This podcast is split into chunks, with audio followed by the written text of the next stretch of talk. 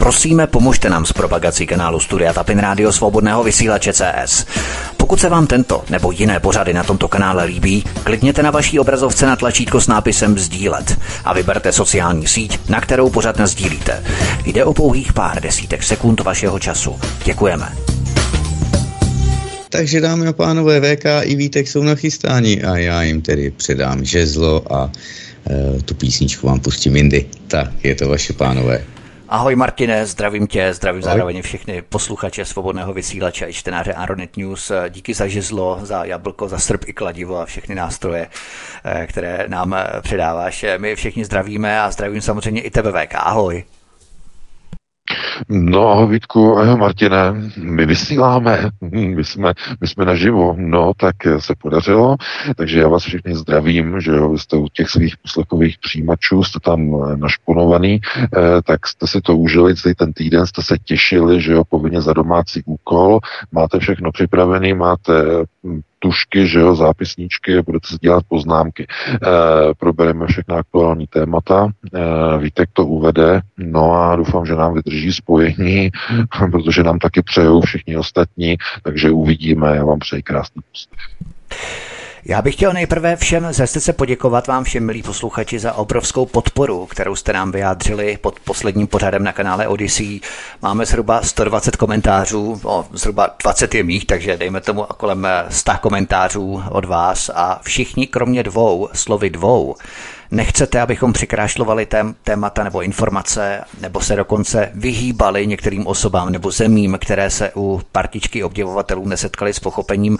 Jste v drtivé většině, za což jsme velmi rádi a moc to pro nás znamená. Vypadá to, že zdravá část alternativy tuto zkoušku dospělosti složila s takovou jakousi ctí. Eh, jenom se omlouvám, čekal jsem opravdu 5-10 komentářů, ale komentovalo vás přes 100. Eh, byla to opravdu smršť, tak jsem pak už ani neměl šanci vám všem poctivě odpovídat. Tak bych chtěl dodatečně a speciálně poděkovat například posluchačům Mulu Muerte, Máriovi, eh, Marek Švejda, ne Švejdár, to byl, to byl ten uh, kandidát na prezidenta, ale Švejda, Marek Švejda, Václav Oslík, Láďa Řehák, Jaroslav Turčák ze Slovenska, Skupy, paní Renata z Anglie, zdravíme do Anglie, Aita, paní Hrachová, Karma, Snooze, Honza P., Trinity, Murty, Lenka Hlavsová a mnoho, mnoho dalších z vás, a to ještě ani nepočítám e-maily, které mě také chodily na redakční e-mail, takže upřímně z celého srdce děkujeme vám všem, velmi si vaší podpory vážíme. To je první věc, kterou jsem tady měl a druhou věc se potom VK bude chtít k tomu vyjádřit, ale ještě abych nezapomněl druhou věc, kterou tady mám a kterou musím říct.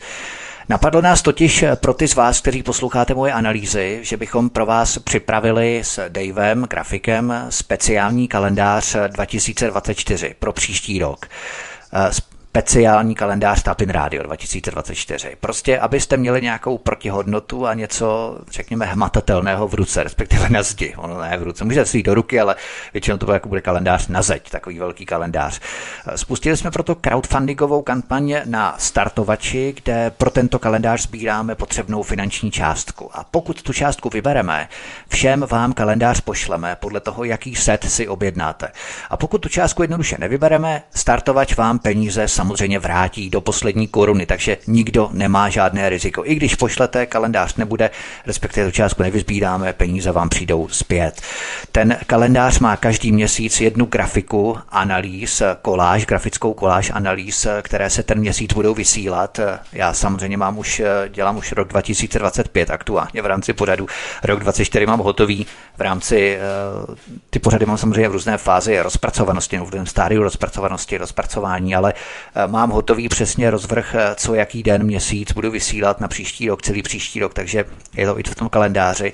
A tu grafiku navíc vybíráte vy, v anketě, ne jak to bylo. Jo, máte každý měsíc několik anket, několik grafik a tam můžete vybrat, jaká grafika potom ve finále bude v tom kalendáři. Takže si kalendář vlastně utvoříte také vy. V konkrétních dnech eh, bude v tom kalendáři uvedená analýza, kterou v ten den budu vysílat, takže žádnou nezmeškáte. Ten kalendář je československý, to je taky velmi důležité. V každém dni budou uvedené svátky české i slovenské, stejně jako státní svátky, jmeniny a tak dále. Samozřejmě místo pro vaše poznámky poznámky, osobní poznámky, schůzky a tak dál.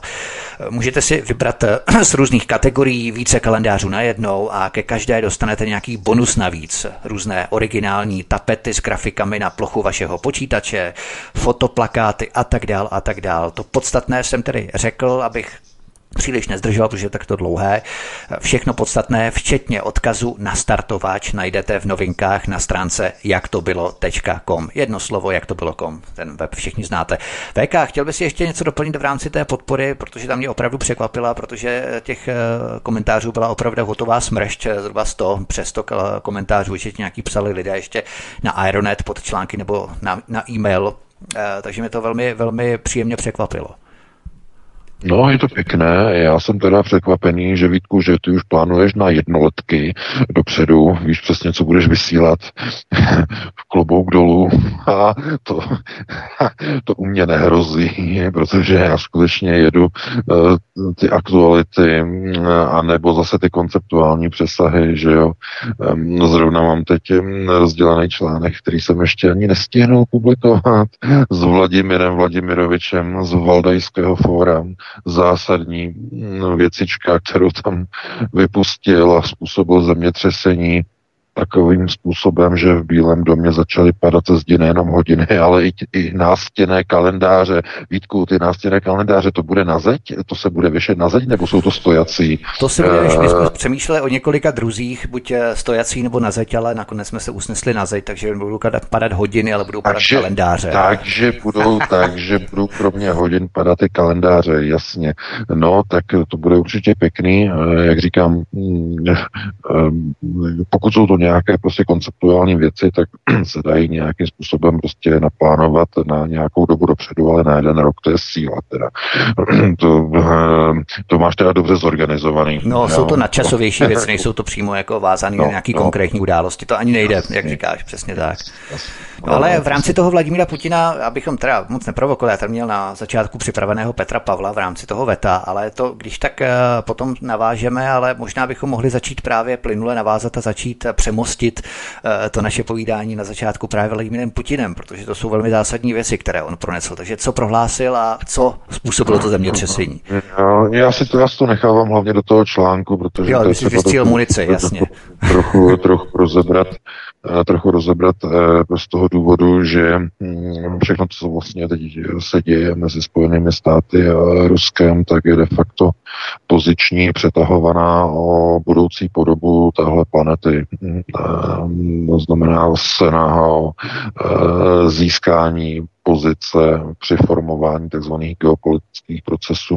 Eh, do toho bych teď nezabíhal, takže eh, pustíme se do Pepy, eh, do pana Pávka a pustíme se potom do těch dalších témat, které jsou automaticky k tomu přeřazeny. Co se týče tedy té podpory ještě těch našich čtenářů a posluchačů a nastoukačů, tak to je samozřejmě mm, strašně jako pěkný. Já doufám, že to vydrží protože eh, jako některé ty věci jsou samozřejmě no, v té konceptuální rovině ne, nehezké, já bych řekl, eh, jsou trochu surové a pokud lidé se dívají na věci a události z konceptuálního hlediska, to znamená z toho hlediska, které eh, vlastně je plánováno, to znamená architektonicky naplánované pro řízení procesu, politických procesů, tedy konceptuální řízení, tak tam není moc pěkných věcí, tam se mnoho věcí podobá, eh, těžko se tam hledá bílá černá barva v kontrastu, protože všechno to splývá do jakési šedi eh, na obou stranách a musí se velice opatrně potom hodnotit hm, takzvané charakterové pozice, když tam hledáte někde bělobu, abyste ji vůbec našli, když tam hledáte něco černého, to taky není úplně celé černé, takže není to jednoduché, proto když někde někde nějaká kritika nebo něco, co něco odhaluje, tak vždycky je tam nějaká limita, eh, co je tak nějak možné pustit ven, aniž by lidem se z toho nezhroutily prostě křišťálové zámky, které si vybudovali. Eh, takových eh, objektů, do kterých se nesmí moc sahat, je víra, že jo, náboženství, víra, víra prostě do toho se nesmí moc sahat, protože to by okamžitě spadly světonázory. Dále by se nemělo sahat do uh, různých figurek mesiášů, to jsme se právě ověřili minulý, předminulý týden. A ještě jsou takové figurky, a to jsou uh, sportovní kluby. Uh, nemělo by se sahat lidem na sportovní kluby, protože to, to potom uh, lidi jsou schopni prostě zabíjet, když jim někdo sáhne prostě na Barcelonu nebo na Spartu, uh, že a tak dále, a tak dále. To znamená, to jsou takové ty konceptuální procesy, um, ve kterých se nemá na něco šahat, takže já budu se toho dotýkat jenom nějakou tyčkou, jenom tak opatrně, ale samozřejmě, že um, pokud budeme něco řešit, nějaké věci kompletní, tak to prostě zazní tak, jak to zazní a kdo to nerozdýchá, komu z toho spadnou hodiny a kalendáře ze zdi, to už je riziko je poslechu našich pořadů nebo čtení mých článků, co s tím se zkrátka musí každý vyrovnat. Takže se pustíme do prvního tématu. Takže VK pro tebe žádná Slávie, Sparta, Kometa nebo Baník Ostrava Pič. No, pojďme na další téma, pojďme na první téma, které tady máme eh, připravené. Prezident Petr Pavel na College European v Brugách, já to si to město nemůžu pořádně zapamatovat, v Brugách, vyzval k omezení práva VETA při hlasování v orgánech Evropské unie a hned potom vyzval ke snížení evropské obrané závislosti na Americe a k zahájení budování evropské armády. Projekt Nová Evropa je vzkříšený a Petr Pavel začíná již po druhé ve svém životě měnit strany. Transatlantické vazby se prý nejlépe posílí snížením závislosti na Americe. Není to symptomatické, že právě Petr Pavel nastartoval po Angele Merklové ten týž projekt Nové Evropy, protože to zřejmě svědčí o snižování amerického vlivu v Evropě, kdy ztratili svoji figurku a komunistický rozvědčík se tak stává už ne koněm americkým, ale koněm evropským nebo respektive koněm globalistickým? Eh, Tohle to není poprvé. Eh, oni už jak přivedli eh, generála Pavla na hrad, tak už měli hned po několika dnech na něho nějaké kritiky, protože on především, on není politik, on je především voják. A já to tam psal do toho článku. Jako na bojišti. Na bojišti se mění situace, bojová situace. A ke změně bojové situace je třeba zaujmout úplně zcela novou pozici. A e, Petr Pavel se chová jako voják v roli prezidenta. Jakmile se změní politická situace, politická šachovnice, on okamžitě mění pozici příslušnou k dané situaci. E, kdyby byl profesionálně politikem, tak by se to snažil alespoň nějak konceptuálně maskovat. A Petr Pavel není konceptuál, on je pragmatik moci. A pragmatici moci uh, jsou no, trošku tak jako naivně, velice jednoduše uchopitelní ve smyslu toho, uh, dneska je třeba říct tohleto, tak se to řekne. A zítra je třeba říct tohleto, protože se to změnilo a tak je tudíž třeba to říct. E, to znamená, ti pragmatici mo- moci jsou teoretici moci a pragmatici. Ti pragmatici moci, to je právě Petr Pavel. Těch teoreticích, to bychom mohli mluvit o různých takových těch, jako, e, no všichni je znáte, e, oni mají ty komentáře na českých mainstreamových serverech, pan Mitrofanov a další, to jsou teoretici moci a tak dále, a tak dále. To znamená, mm, hodnotí nějaké věci na politické scéně, vydávají nějaká politická stanoviska, radí jakoby něčemu, někomu, ale ve skutečnosti mm, drží si nějakou linii teoretik moci si drží linii, nějakou, kterou si ustanovil. To znamená ideologii, nějakou linii, ale ne Petr Pavel. To je pragmatik moci. Nemá žádnou linii. Žádná linie. Pouze je pragmatikem moci. Dneska je třeba říct tohleto. Zítra pojede někam na nějakou univerzitu a řekne úplně něco jiného, řekne tohleto. A e, tohle to jsme právě viděli v Brugách, e, co tam zkrátka zaznělo. Říct v jedné větě e, něco neuvěřitelného, ale jestli ten projev si psal on sám, nebo mu ho psal Petr Kolář, bývalý vyslanec v Rusku a v USA, to je těžké identifikovat, těžké říct, ale každopádně dát do jedné věty, respektive do jednoho souvětí, že uh, pokud se Evropská unie odpoutá od Spojených států, sníží závislost na Spojených státech vojensky, tak tím posílí transatlantické vazby. Uh, to je přesně ta pragmatická část té uh, moci Petra Pavla, protože um, on de facto ví moc dobře, co se hraje, protože on je voják, on byl konec konců šéfem že jo, vojenského velení Severoatlantické aliance, byl uh, předsedou, šéfem, prezidentem, všechny ty funkce, co měl uh, v Severoatlantické alianci a ví, jaké jsou ty procesy v Evropě. Uh, Evropa se snaží emancipovat po druhé světové válce. Pod kým? Pod jakou eh, kuratelou? No samozřejmě pod kuratelou Berlína a eh, ve spojení ještě pod kuratelou eh, Francie.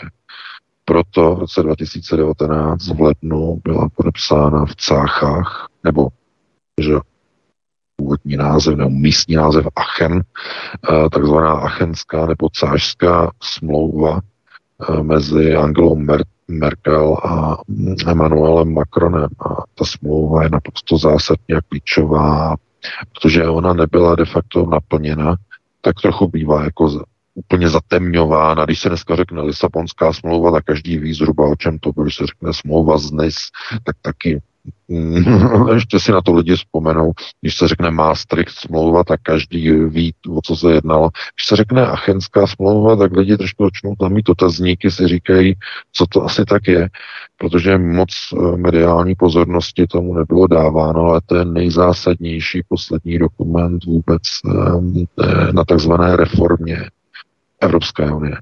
Když eh, všichni tihleti alternativci na Fiatu.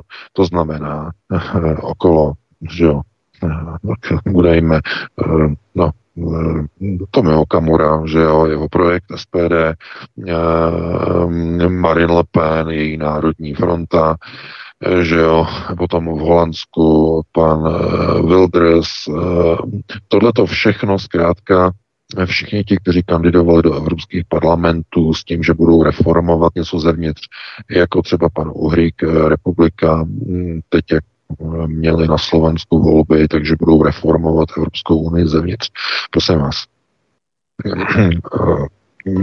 tohleto, to je doslova, to je doslova jako nošení dříví do lesa. Když řeknete, my jsme alternativní strana, my jsme alternativ partaj a my půjdeme dělat reformu do EU, to je stejně, jako kdybyste řekli, tak a my teď naložíme eh, na káru, naložíme dřevo, tady pořádně, že jo, u baráku naložíme dřevo, dáme ho na vozejk a odvezeme ho do lesa, protože tam toho dřeva je málo.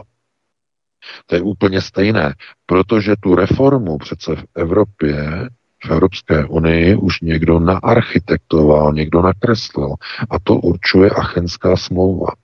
Achenská smlouva určuje, že má dojít k deanglikanizaci celého evropského prostoru.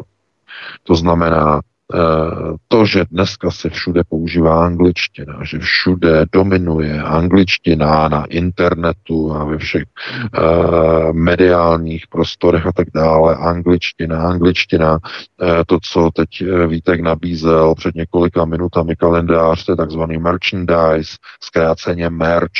Uh, dneska mládež používá tenhle název všude, všude, úplně všude, když se podíváte na YouTubeová videa, máme nový merch, merch, eh, zakupte si tričko, přívěsek, eh, hodinky, eh, klobouček, zástěrku, čepičku s nápisem, že jo, prkínko, na maso, sekáček, na tchýni nebo na něco jiného, co přijde pod ruku. E, chápete to? Merch, klasický merch.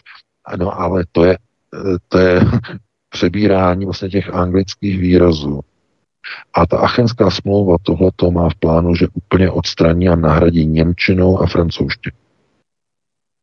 Ten plán té Achenské smlouvy je přeformátování po druhé světové válce přeformátování celé Evropy pod kontrolu Německa a Francie, aby se ve školách v celé Evropě učila primárně Němčina a francouzština, nikoli v angličtina. Achenská smlouva dále ustanovuje, že vznikne Evropská armáda. Až to slučilo. O čem, co naznačoval takzvanými strategic enablers. E, to je vojenský výraz, že jo, e, strategické, doslova zmocňovače. ale to je s přesahem, to se překládá jako strategické nástroje. A on to tam dá do toho projevu Petr Pavel e, v Brugách, že Eh, použitím tedy strategických nástrojů, což eh, v tom vojenském newspeaku jsou samozřejmě strategické části armády. To znamená pozemní armáda, letectvo, protivzdušná obrana, raketové vojsko a námořnictvo. Těhle pět eh, segmentů tvoří takzvané strategické nástroje. A e, proč evropské? No, tím naznačuje v podstatě obsah Achenské smlouvy vytvoření Evropské armády. Dále Eh, společná evropská ústava, federalizace celé Evropy je v Achenské smlouvě eh, předurčena. Eh, společné daně a společné důchody v celé Evropské unii je v Achenské smlouvě, že bude ukotveno. A rozdělení Evropy na dvourychlostní formát. První rychlost, to budou ty, které budou integrovány do federativního celku, do federální Evropy. A ta druhá rychlost, no, to budou takové ty urbanizované státy, jako Maďarsko a jim podobné státy, které se nechtějí zrovna moc uh, formovat do nějakých dalších integračních struktur. A američané do tady toho vhodili odjištěný granát. Nejprve došlo k sesazení Angely Merkel, ta byla odstraněna.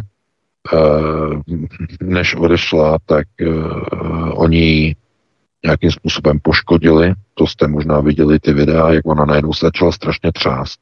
Při, že tremor měla obrovský e, zdravotní problémy, e, že to mohlo být mrtvice, e, určitá forma epilepsie a podobně, jak ona se strašně střásla vždycky, když byly nějaké uh, ty uh, hymny, že jo, hrály se muziky, tak ona tam prostě se strašně třásla, oni ji úplně oddělali. A nahradili ji prostě tímhle tím pikolíkem, který tam byl nasazený a dosazený eh, prostě nácíčkem, že jo, Olafem Scholzem který jde přímo na ruku Američanů. Angela, Angela Merkel dělala všechno proti Američanům, že jo. Paktovala se s Rusama kvůli plynu, že jo. E, chtěla všechno e, prostě plynofikovat tady v Německu. Všechno na plyn mělo být. E, elektřina do baterkových aut se měla vyrábět v plynových elektrárnách. E, to byl ten plán odchodu tedy od eh, americké ropy, eh, prodávané za americký petrodolar, aby Evropa se zbavila ropy a tím, aby se zbavila závislosti na americkém petrodolaru. Američané nejsou hlupáci, jim bylo naprosto jasné, o co se Angela snaží v celé Evropě. Když Evropa by přestala eh, fungovat na ropě, americký petrodolar by šel do kytek úplně do kytek, protože když se zničí význam ropy, zničí se význam a pozice amerického petrodolaru. Proto ten plán byl jasný. No a proto ji odstavili. Proto, co se děje teď tady v Německu, já nevím, to sledujete nebo nesledujete, jestli máte čas sledovat, co se děje s německými automobilkami. Volkswagen oznámil velkou stopku, končí s výrobou elektrických aut, omezuje. Všechny automobilky šlapou na brzdu a končí s projektem elektrických aut. Proč? Z jakého důvodu? No, protože není to schůdná budoucnost. Protože není ruský plyn a znamená, nebude elektřina na ta auta. Že nebude elektřina, nikdo se elektrická auta kupovat nebude. Nikdo se nebude kupovat elektrická auta, německý automobilový průmysl zkrachuje. A výsledek je šlápnutí na brzdu. No a projekt je kde. Kdo z toho profituje? No samozřejmě američané, protože američané teď vlastně donutili celou Evropu vrátit se zpátky fosilním palivům, to znamená zpátky k petrodolaru. Znovu se bude Evropa stavět do fronty a bude za americký dolar kupovat e, tentokrát skapalněný plyn z Ameriky anebo od kohokoliv jiného, ale za americký dolar a bude nakupovat znova ropu a zase za americký petrodolar. To znamená, tohle to byl důvod, proč američané vyhodili do povětří oba dva plynovody Nord Stream. To byl důvod, proč odstranili Angelu Merkel. To je důvod, proč tam dali tady toho nácíčka, který tam teď momentálně je. A e, tahle ta geopolitická pozice, e, kdy Evropa je de facto roztržená e, mezi západ a mezi východ, kdy některé zatím některé země Evropy se začínají probouzet, vys výsledek voleb na Slovensku. Slovensko asi půjde jinou cestou směrem k nějaké urbanizaci eh, eh, v rámci mírného pokroku. Eh, uvidíme, co bude teď 15. října v Polsku, jak dopadnou volby. Změna tedy procesů v Evropě. No a všechno v důsledku tedy procesu, tedy na Ukrajině. Uh, ukrajinská válka, ukrajinský proces, uh, odříznutí Německa od uh, laceného ruského plynu, nerealizace a zrušení procesu takzvané zelené Evropy, která měla být za, založena právě na e, přechodu na elektrický automobilismus. Tohle to všechno de facto e, jde teď e, do těch vlastně e, směrů, že to, co bylo původně naplánováno, tak najednou se nerealizuje.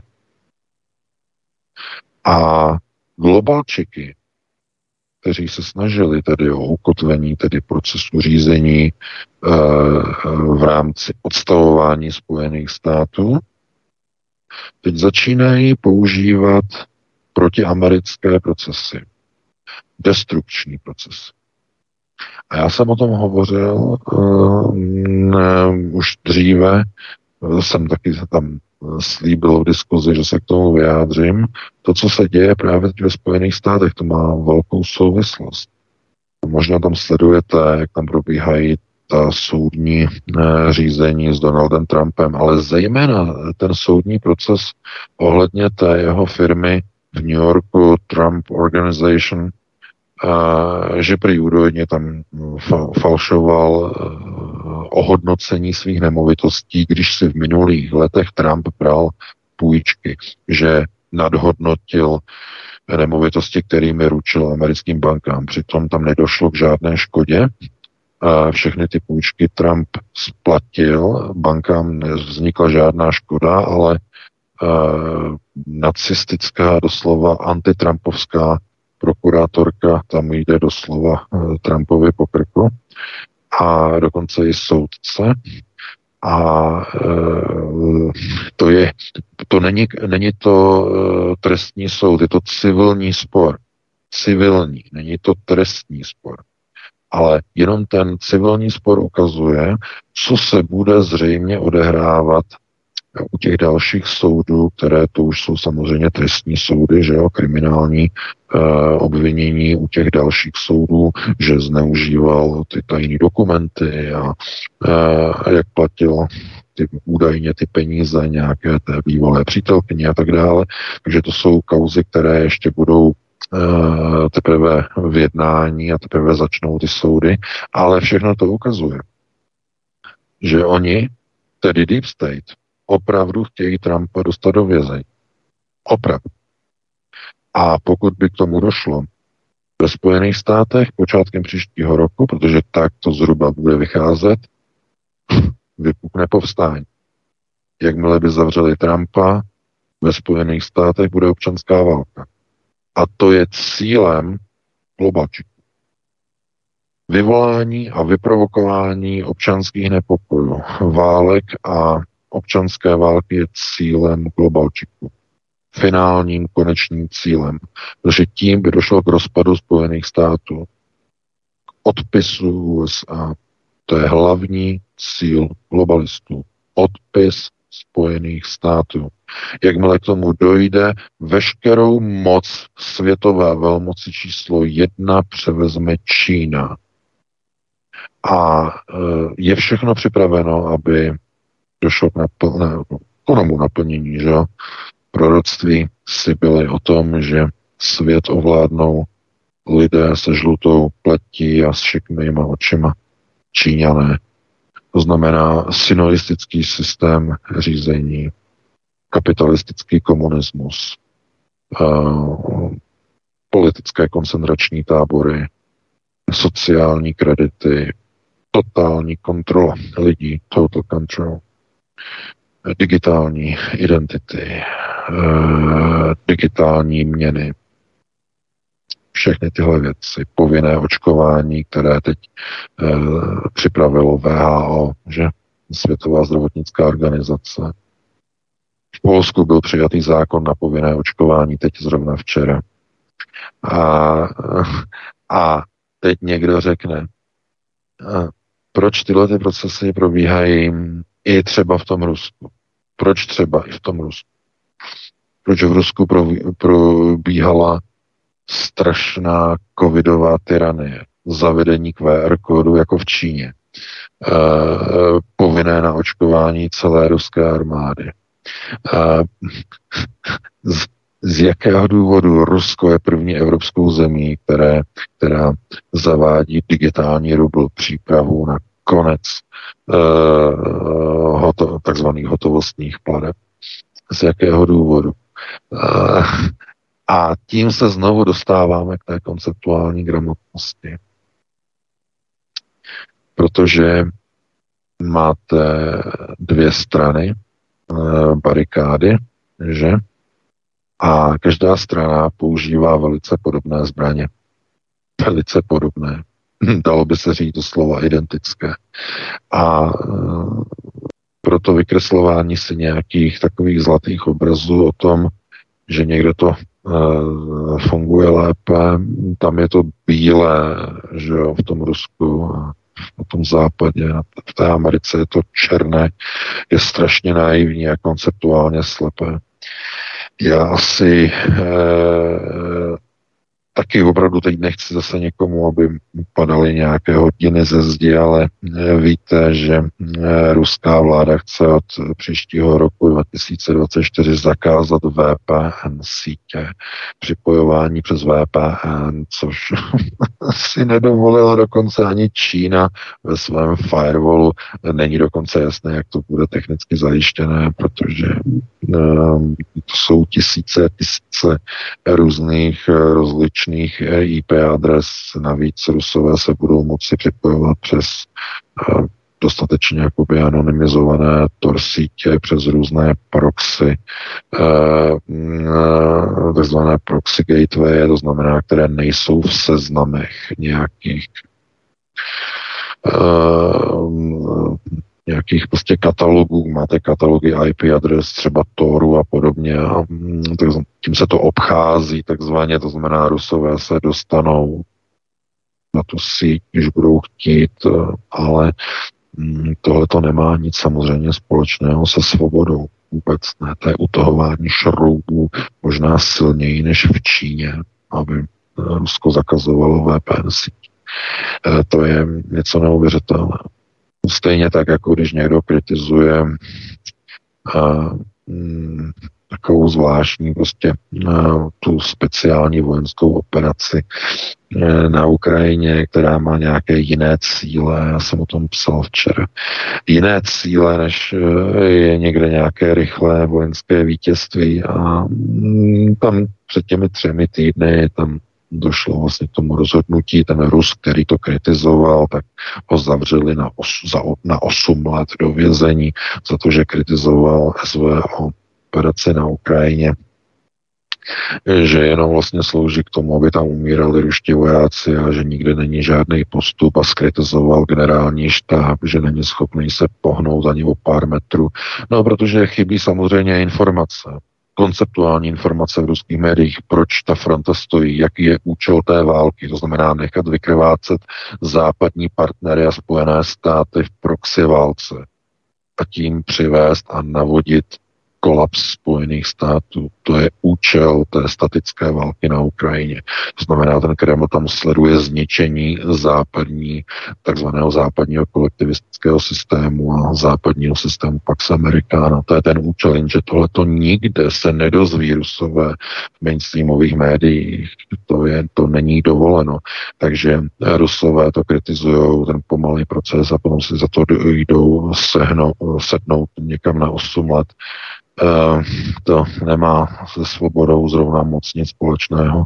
Eh, to znamená, mm, vidíte, v České republice zavřou za to, že někdo organizuje eh, protiválečnou demonstraci a proti Ukrajincům dva české aktivisty. Jeden z nich je teď nějak pořád ještě na útěku, že? Pokud uh, jsem se teď díval, tak pořád ještě někde, pan Čermák ještě někde lítá. Uh, no vidíte, a v Rusku dělají vlastně to samé, ale v opačném gardu. Že? No a teď řekneme, no a v tom Rusku, prostě tam je to, tam je to tak super, a v té České republice ten, ten, ten Rakušan, že jo, to prostě to, ta svoloč a všechno, fuj, že jo. Ale z konceptuálního hlediska je to idiocie takhle rozdělovat. V tom není rozdíl, v tom je pouze mm, barvy, kabátky jsou různé, že tam mají jiné uniformy, než mají v Česku. A, mm, trochu jinak je to pomazané opentličkované, ale jinak je to úplně jedno a totež. Ani jedno, ani druhé není svoboda. Ani jedno, ani druhé neukazuje zrovna nějak moc extra na nějaké velké vlastenectví. Ať už na jedné straně české, když zavírají vlastence, anebo na, str- na straně druhé ruské, když tam zavírají ruské vlastence.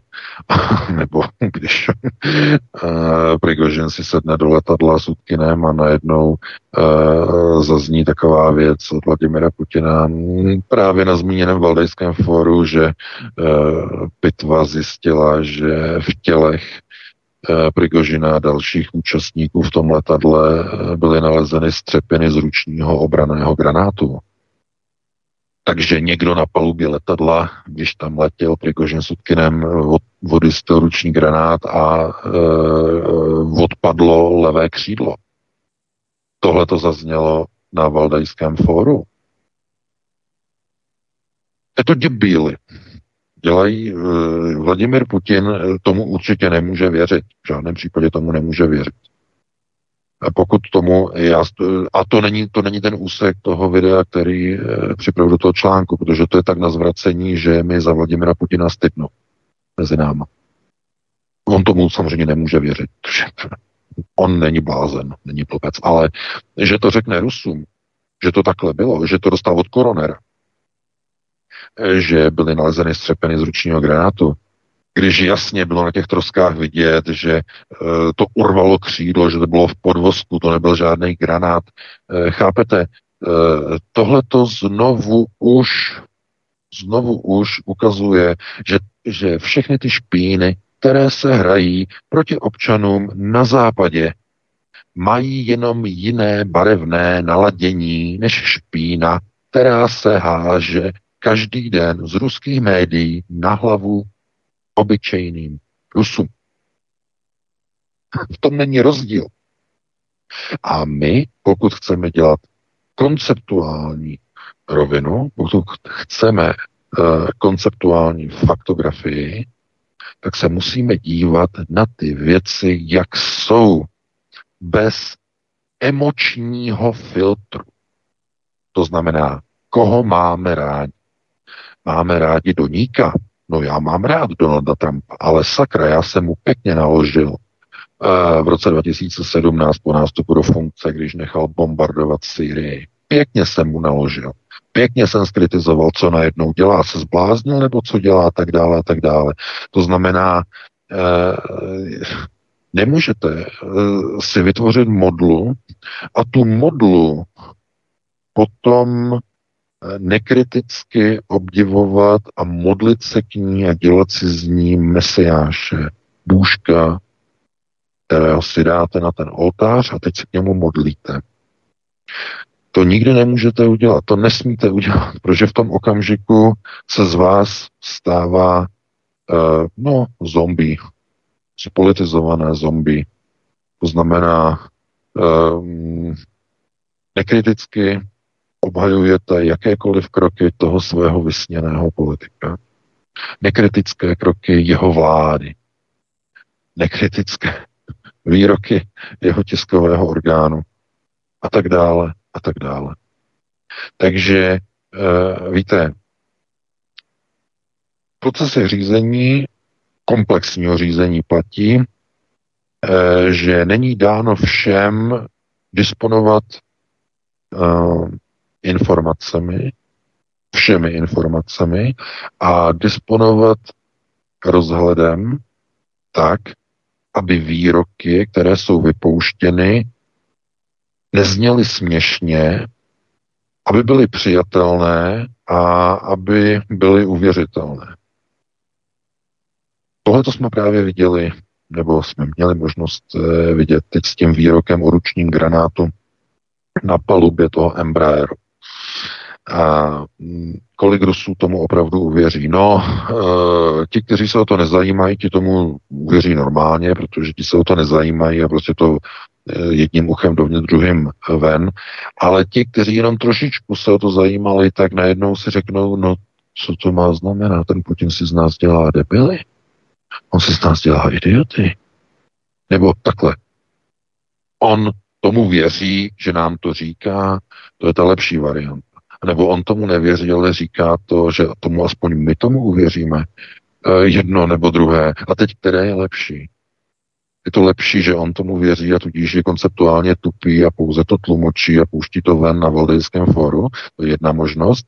A e, nebo tomu nevěří, protože konceptuálně je zdatný, což se předpokládá, ale v tom případě, proč to říká obyčejným Rusům, když musí mu být jasné, že většina lidí tomu vůbec neuvěří, že někde na palubě vybuchnul ruční granát a utrhnul levé křídlo a pozabíjel všechny na palubě. Uh, to je Chápete? A e, to jsou takové ty výstře, e, výstražné signály od těch politiků, kde najednou vám začne e, prostě houkat varovná kontrolka a vy musíte okamžitě reagovat a, a tady pozor, pozor, dezinfo, dezinfo, dezinfo, dezinfo, hned vám začne jako u těch různých fact checkerů, že jo, u těch, jak pořád něco vyvrací, ale ehm, vy musíte mít ten kontrolní mechanismus prostě nastavený velice citlivě právě na ty své mesiáše, protože ty musíte kontrolovat úplně nejvíc. Úplně nejvíc. Ze všech nejvíc. To, jestli Uh, ty, které nepodporujete, jestli dělají nějaké bejkárny, to je defaultní chování. To je default. Uh, výchozí to vás nemusí zajímat. Jo, to je u nich očekávané automatické. Ale když někdo, koho podporujete, komu věříte, začne dělat nějaké divné pohyby, nějaké divné výroky, tak na to musíte mít uh, citlivý detektor uh, tak maximálně, abyste ze sebe neudělali oběť. Protože když necháte se sebou v podstatě takhle emočně manipulovat, tak se stáváte obětí. Obětí toho politika. Vy jste se vytvořili a vytvoříte si na něj eh, takzvanou kognitivní disonanci. Odmítáte uvěřit tomu, že jste se nechali napálit tím politikem. Nechcete si to připustit a tak pomocí kognitivní disonance to vytěsníte a říkáte si, On to tak nemyslel. On je pořád dobrý. On tu sviňárnu myslel jinak, ona to není sviňárna, ono je to dobré. Uh, najdete si proto nějaké vysvětlení. A to je kognitivní disonance. Přesně takhle to funguje. Nechcete si připustit, že ta soška, ten bůžek, ten mesiáš nestojí za ten piedestal, na kterém stojí, ale nestojí ani třeba za zlámanou grešli. A když za tu zlámanou grešli stojí, tak jenom díky tomu, že kontrolujete, jestli ten bůžek náhodou, když se otočíte, na vás neukazuje prostředníček. Protože to by se mohlo klidně stát, když ho nebudete kontrolovat. S přesahem samozřejmě eh, přecházím vlastně do tady těch eh, odbočujících témat, že do těch přesahů, takže já to nechci takhle úplně rozvíjet, takže jsme se dostali mm, z jedné strany Atlantiku na druhý, ale já myslím, že je třeba tady o těch věcech se zmínit, minimálně v nastavbě, eh, protože v článku se to zatím nikde neřešilo a je třeba se o tom zmínit. Takže takhle bych to uzavřel, to první téma a pustíme se do dalšího. Vítek ho uvede. Ty jsi také hovořil o tom, že jsme se dostali z jedné strany Atlantiku na druhý nebo na druhou, tak eh, já bych tam navázal právě proto a pokračoval bych tématem přímo doslova na té druhé straně Atlantiku, a to právě v Evropě, a to právě na Slovensku, protože Robert Fico obdržel výhružný dopis od šéfa evropských socialistů, že pokud Smer nezmění své postoje k válce na Ukrajině, postará se o vyloučení Ficovy strany z frakce v Europarlamentu. Věra Jourová prohlásila v otázkách Václava Moravce, že slovenské volby čelily ruskému vlivu, ale o vměšování Američanů a neziskovky z Londýna nepadlo ani slovo.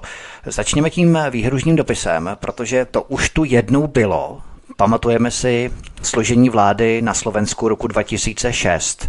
Je to velmi dávno, mnozí si to už nepamatují, ale tehdy také vyhrál Smer po uh, drama, drastické a brutální osekávací sociální eh, vládě Mikuláše Zurindy, Ivana Mikloše, který potom dělal poradce uh, Petru Porošenkovi na Ukrajině a tak dále, tak vyhrál Smer v roce 2006 a utvořil koalici se Slovenskou národní stranou SNS, tehdy ještě Jan Slota a Vladimírem Mečiarem. No a evropští socialisté také smer za trest vyloučili z eurotábora socialistů. Teď hrozí, že se celá ta situace bude opakovat znovu. Nicméně není to tak, VK, že těmi jejich tresty pošlou nikoho stát na hambu nebo klečet na hrách, tak než napravení hříšníka v uvozovkách, tak spíš vlastně rozněcují odstředivé síly pro vystoupení z Evropské unie. Takže je to v podstatě gól do vlastní brány, když to přeženou. No, samozřejmě, ale mm, eh, že vůbec k tomu dojde, pouze ukazuje, do jaké míry uh, už vlastně dochází k nasonování uh, procesu tedy té Evropské federace. Ta Achenská smlouva je totiž postupně nasonována uh, ze strany um, takzvaných Europčiků a to jsou kovaní bruselníci, takhle jim můžeme říkat, kteří zkrátka jedou podle té achenské smlouvy, přestože momentálně v jakémsi útlumovém režimu a už ukazují e, na jednotlivé strany. Hele, tak ty máš jiný názor. Ty máš jiný názor na Ukrajinu, tak e, budete vyloučený z frakce, nebudete mít tady ty benefity, tamhle ty benefity. Pokud Robert Fico staví vládu, dovedu si představit, že budou na Slovensku uvoleny sankce ohledně Eh, dotací z fondů EU za to, že Slovensko zastavilo zbrojní pomoc eh, Ukrajině a tak dále. To teprve, to teprve přijde, to si můžou Slováci počkat, jak to bude rychlý. A eh, protože, protože proč? Protože Fico že? Nebo jak to říkají Slováci, lebo Fico. E, že jo, všechno za všechno na Slovensku, co se stalo, že jo, tam když tam mají špatný počasí, nebo tam přejede nákladák kočku na silnici, za to může Fico. A Smer samozřejmě.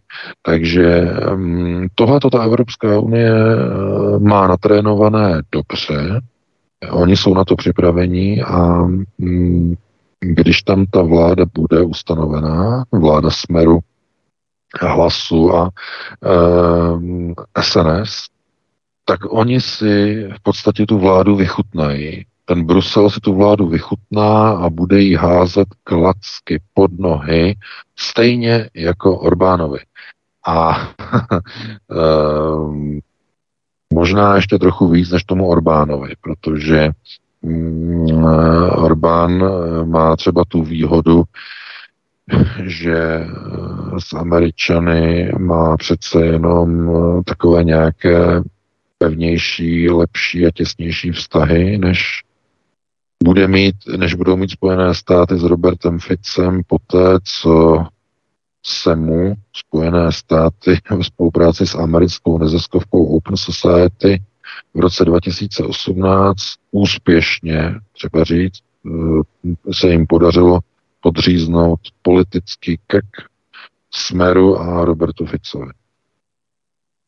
Robert Fico je poučen a velmi důrazně ví přesně, co se stalo v tom roce 2018.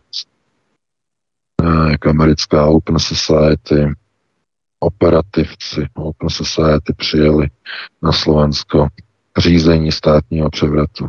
Tohle to všechno. Viděl to v přímém přenosu. A eh, od té doby určitě mu je jasné, že ty procesy posílili američané.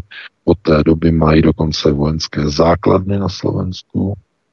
Uh, mají tam pro americky ukotvené uh, systémy řízení, které teď možná se změní, ale třeba na tom hradě, nebo ne na hradě, ale v tom paláci, kde vládne ta paní, že jo,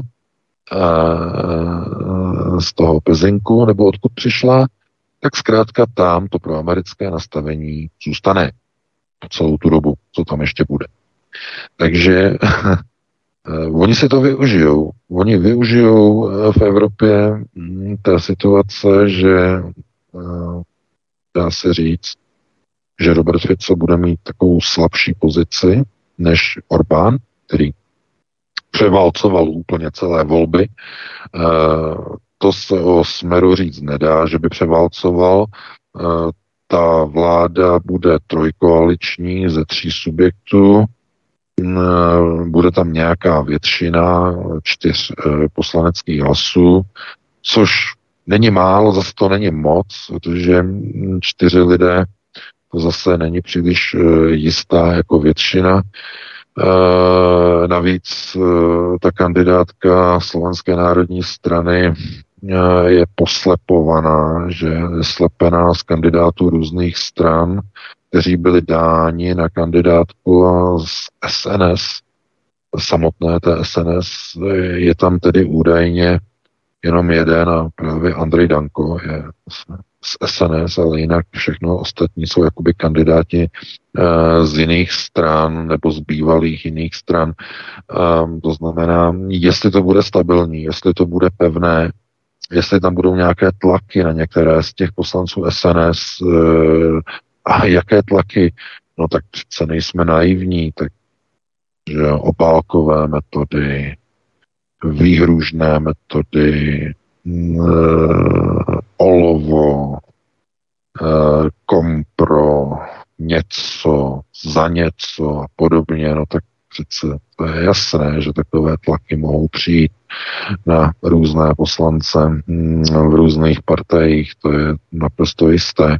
A teď je otázka, jak eh, to bude, spev, jak to bude pevné, jak to bude spevněné. Hm, nebude to mít jednoduché. Takže se dá očekávat, že ty tlaky z Bruselu budou obrovské. Obrovské, mohutné a Robert Fico to nebude mít jednoduché, protože s každým politickým výrokem proti Ukrajině, s každým politickým manévrem proti Spojeným státům si udělá více a více nepřátel v Evropské unii, momentálně ovládané Spojenými státy momentálně. Minimálně tedy eh, v té otevřené rovině, která jde skrze Berlín. Protože ne všechny procesy v Evropě teď jdou přes Spojené státy a přes Berlín. Eh, část procesů jde samozřejmě přes Paříž, a část procesu jde přes globalčiky, kteří pracují na demontáži Spojených států a jejich americké moci Pax Americana v Evropě. A tenhle ten proces posiluje i právě s Petrem Pavlem. On je opravdu velice schopný.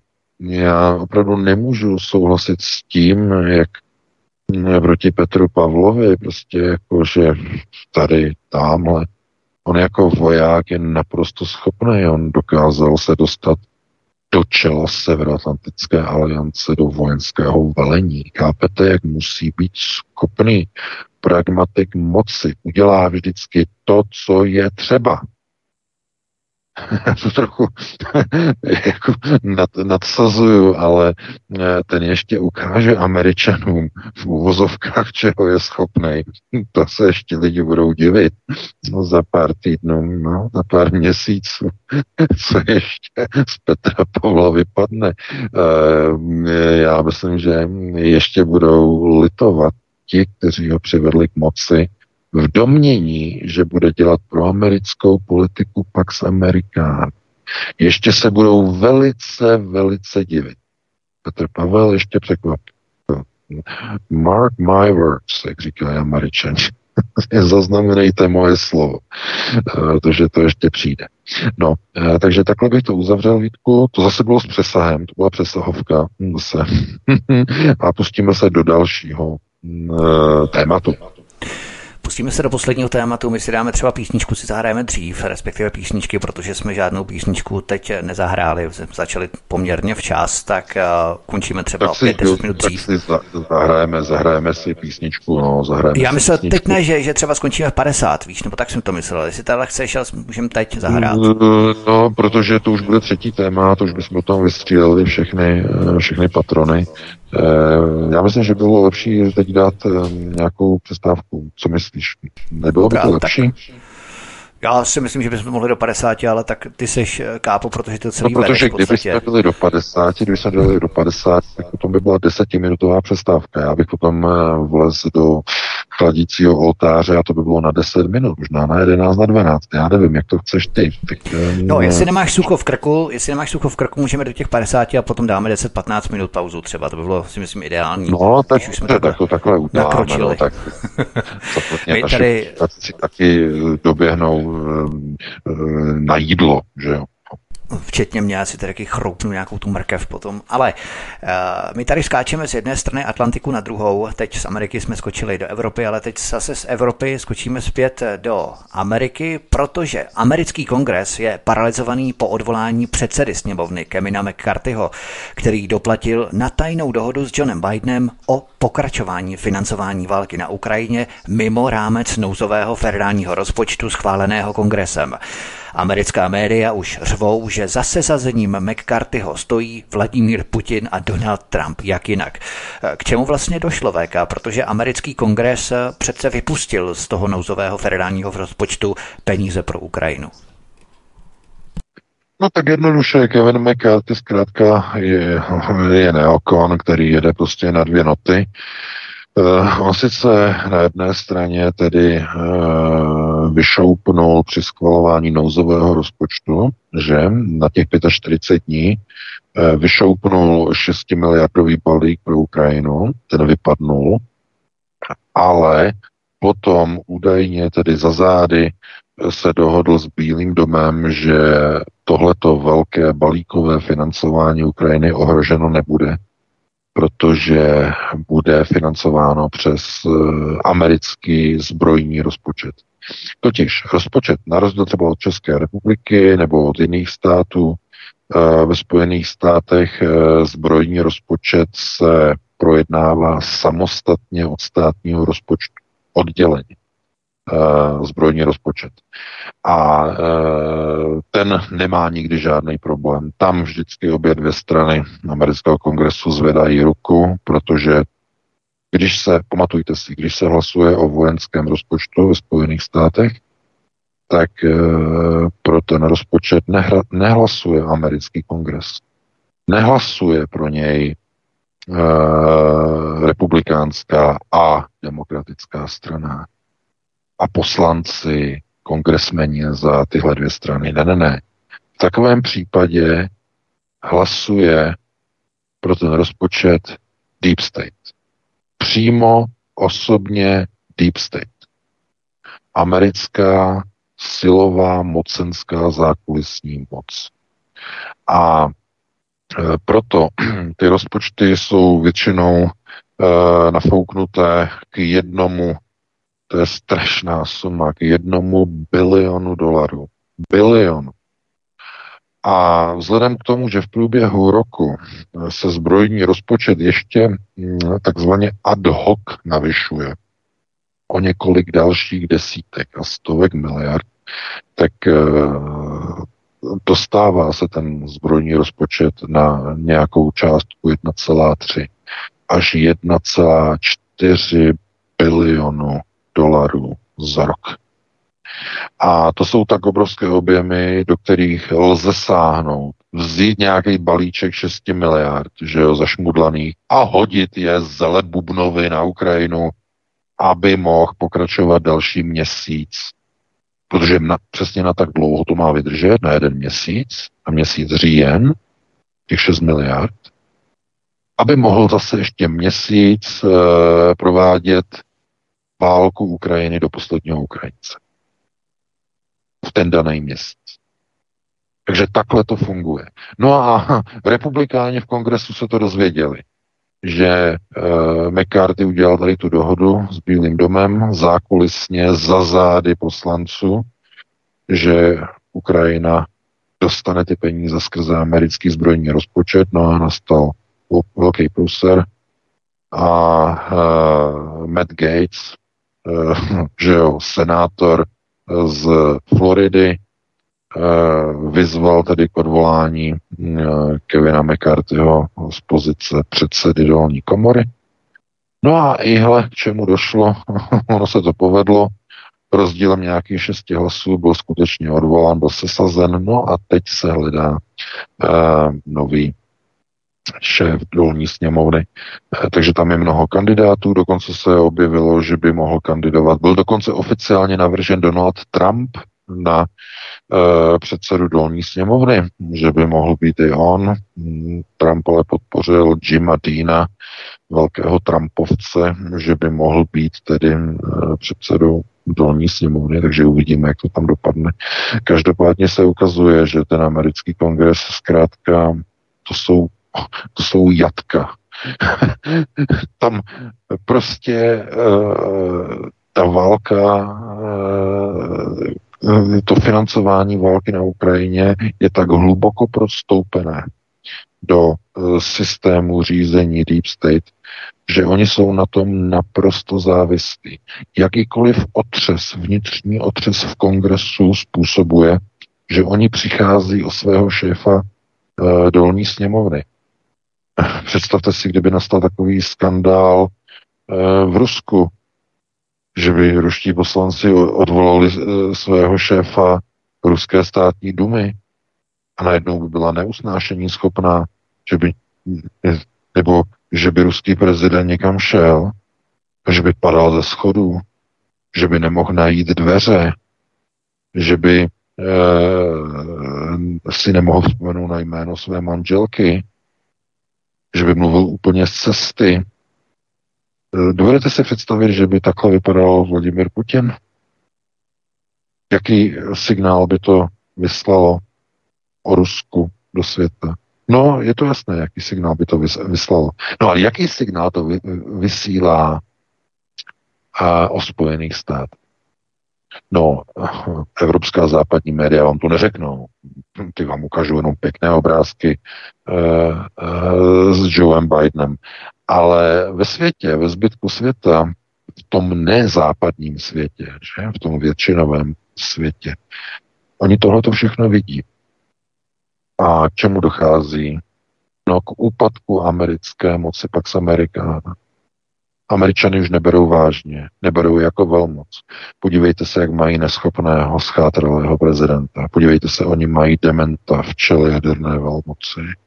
Podívejte se, oni mají rozbouraný kongres.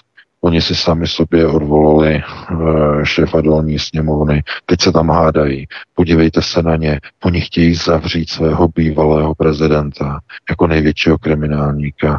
Děje se to někde v nějaké jiné zemi, že by vyspělé, možná někde v nějakých banánových republikách, ale že by nějaké takovéhle e, hony na čarodějnice probíhaly někde jinde.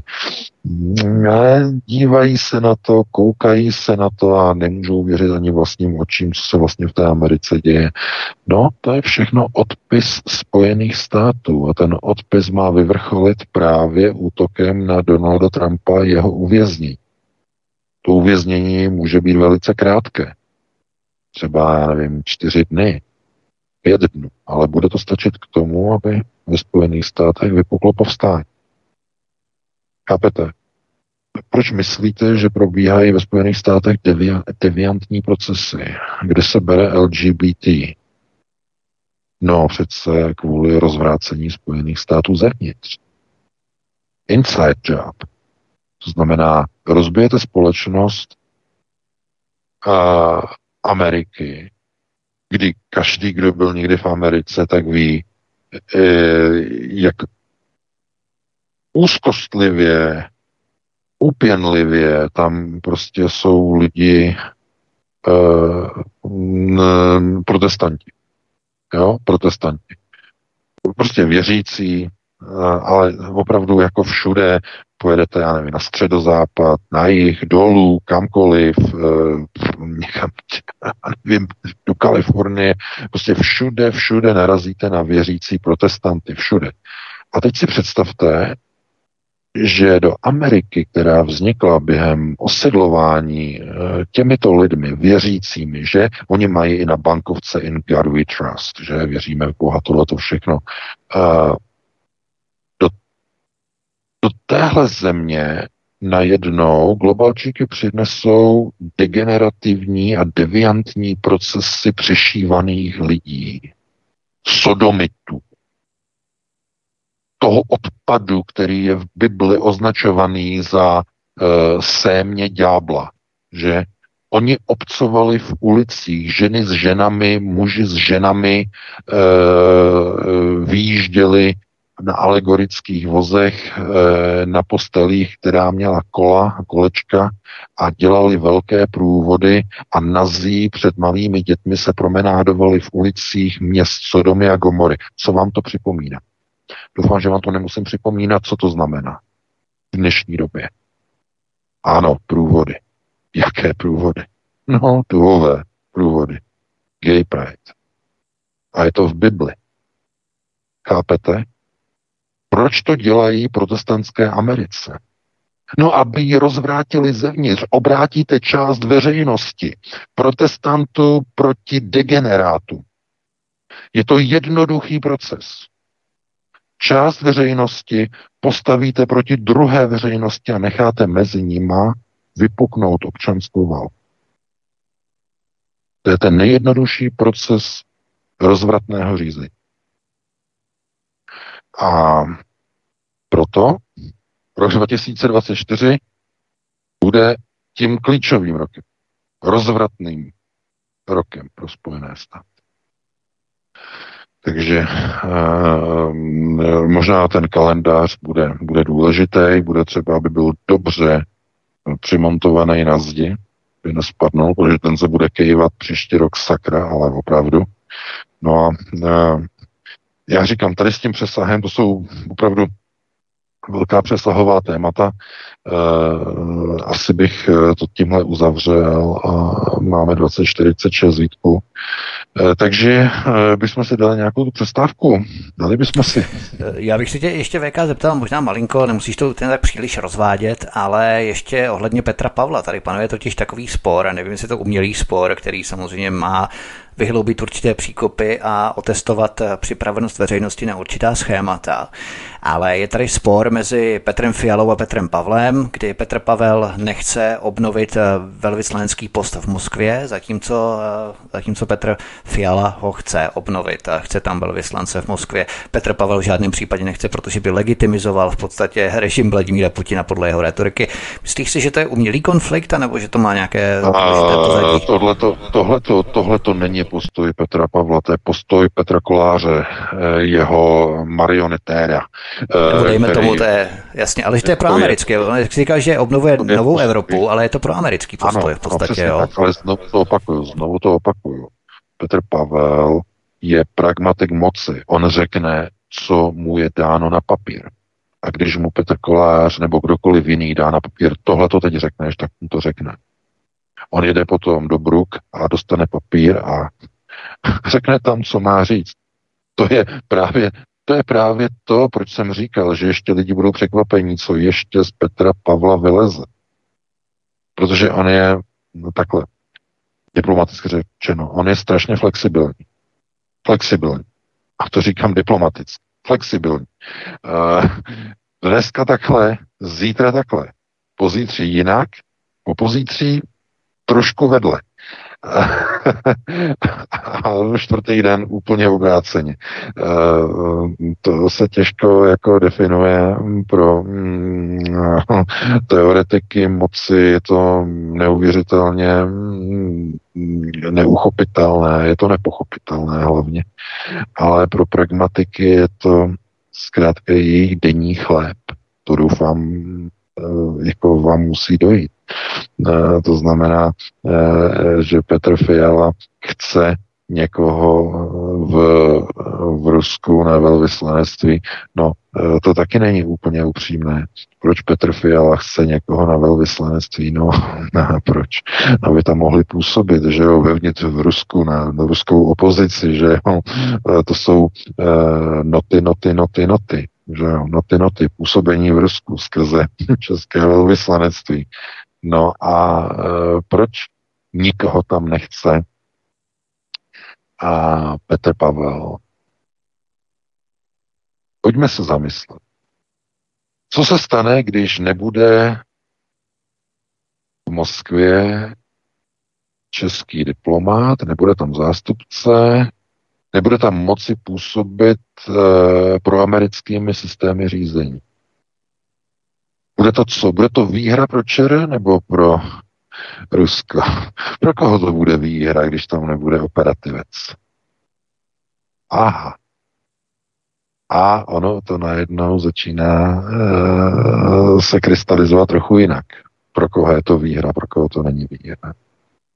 Protože když oni, oni, eh, když oni budou mít zájem tam někoho obsadit a obsadí tam někoho, no tak on bude mít za úkol samozřejmě nějakou práci.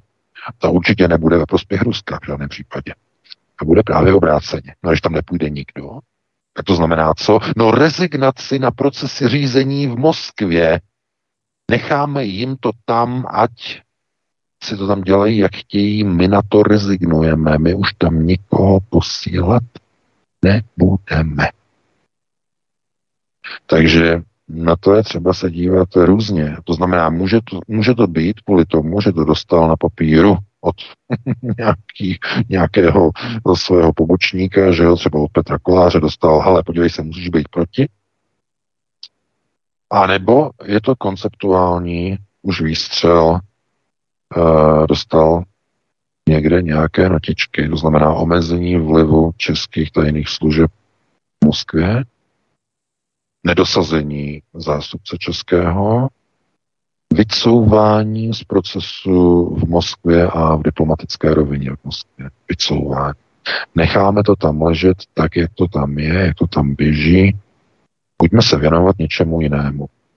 I takhle se na to dá dívat. Takže já bych s tím hodnocením byl trochu opatrnější. Jak se to dá vyložit, tenhle ten spor mezi Fialou a Pavlem. Eh, no, každopádně máme 2051, eh, takže si dáme teda přestávku. Martin nám dajde nějaké pěkné písničky a po té 21. hodině bychom se pustili do telefonických dotazů. Určitě zazní taky telefon, aby se lidi mohli připravit. Tak já už to nebudu zdržovat, víceméně přemostíme písničkami, Martin to všechno už vyřídí a zřídí. Jasně. Takže Martin, co si dáme? Jdeme na to Martu Jandovou a pak další. Bude nás slyšet od Proteuse, ale začneme, kdybych byla řekou. Prosíme, pomožte nám s propagací kanálu Studia Tapin Rádio Svobodného vysílače CS. Pokud se vám tento nebo jiné pořady na tomto kanále líbí, klikněte na vaší obrazovce na tlačítko s nápisem Sdílet a vyberte sociální síť, na kterou pořád sdílíte. Jde o pouhých pár desítek sekund vašeho času. Děkujeme. Tak, tak, tak. A uslyšíme a i uvidíme, jestli bude slyšet i nás být KVK a také si budou slyšet telefonické dotazy Tak já jsem tady, Martine. Určitě dobře, výborně. Všichni jsme tady. Všichni jsme tady, dobře. Tak já jdu vzít prvního volajícího. Hned do vysílání. Svobodný vysílač, český večer. Můžete položit dotaz.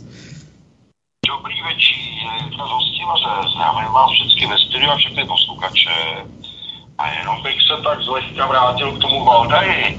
Uh, když tam Putin označí šéfa VF, že ho šváva, za globálního teroristu, jo, který vydírá lidstvo a e, ve svým podstatě ho označí za legitimní cíl a že se jim e, vlastně nový světový řád e, nestařil.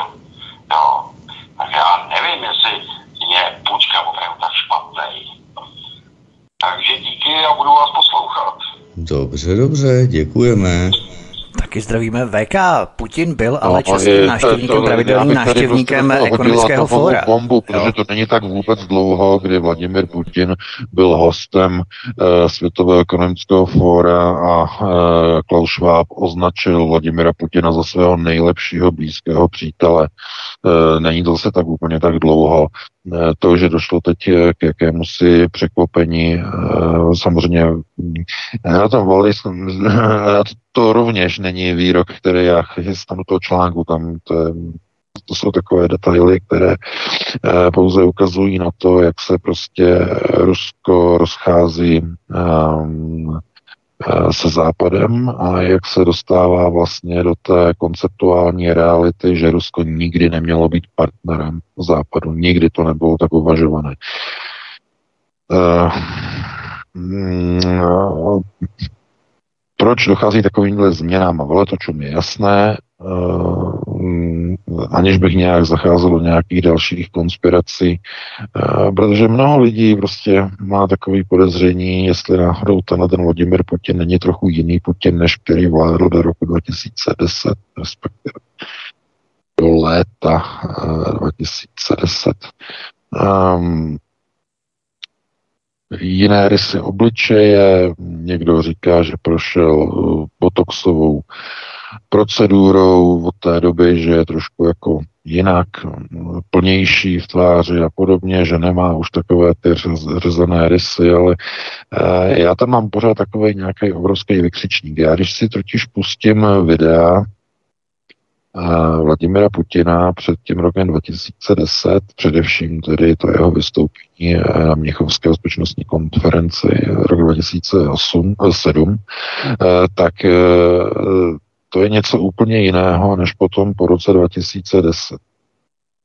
A vzhledem k tomu, že i Evgenij Prigožin a další měli velice zdařilé dvojníky, které používali já si fakt nejsem jistý, jestli tenhle ten Vladimir Putin je pořád ten originální Putin, který byl eh, konceptuálně opravdu velmi nastaven pro takovou tu spolupráci se Západem a mm, byl to ten bývalý operativec, a nebo se už díváme tedy na nějaké eh, takzvané aktivní opatření. To je těžké říct. Já tam mám obrovské otazníky, hlavně tedy s některými s něčím, co prostě mi nesedí k původnímu Putinovi před rokem 2010 a to, co se děje právě teď. Nebo po tom roce, to znamená, bylo jasné, že když Lev Leviev přivedl Vladimira Putina do Moskvy, přivedl ho ukázat v roce 99, v srpnu 99 Boris Jelcinové a řekl mu, tohle je tvůj nástupce, tak tam začaly potom nějaké jiné procesy tom Kremlu. Obrovská perestrojka, obrovské změny, eh, bývalý rozvědčí KGB začal si, si ukotvovat jiné systémy, jiné procesy řízení, úplně něco jiného, než eh, původně někdo očekával. No a potom, potom v roce 2010 se něco změnilo. Najednou se začaly objevovat e, kádrovčiky velmi úzce napojení na e, Vlasovce, na Vlasovskou frontu, uvnitř generálního štábu. A, a tenhle ten výrok je v konceptuální rovině trošku mimo. Jestliže s někým jsem přítel, dlouhodobě a potom ho uka- eh, vykreslím za nějakého velkého monster arci, eh, nepřítele, eh, kterému se nepodařilo mm, ukotvit světový řád, to potom působí kontraproduktivně. Jo, kontraproduktivně. Totiž velký politik, velký státník samozřejmě má právo se zmílit. Jo, to samozřejmě. Zmílí se v nějaké osobě, v nějakém státníkovi, který uh, uh, se zdá, že je přítel, on se ukáže, tak ten politik potom musí říct uh, a musí to dát najevo. To znamená, uh, já třeba nesouhlasím s tím, jakou politiku začal razit Klaus Schwab od nějakého roku, od nějaké chvíle. Od toho já se distancuji. Ten politik se distancuje od té minulosti. Ale aby padl přímo takový výrok, eh, který úplně neguje nějakou minulost, eh, to není projev konceptuality, to je humpoláctví. Diplomatické humpoláctví. A mě to k tomu nesedí. Putinovi mi to nesedí. K tomu, tomu Putinovi, který tam byl do toho roku 2010. Je to samozřejmě můj pocit. Jo, pocit, není, ne, nemám proto žádný konkrétní matatelný důkazy. Podívejte se na ta videa. Podívejte se na videa na Putina před rokem 2010 a potom. Ta změna toho obličeje je, je alarmující. Samozřejmě, že se tam říkalo, Přinesla to i bulvární média, ruská, západní, že Vladimir Putin podstoupil zřejmě botox, aby měl plnější tvář, ale, ale, ale je tam prostě nějaký, nějaký otazníček. Takže já to mám tohleto otevřené no, v tom hodnocení.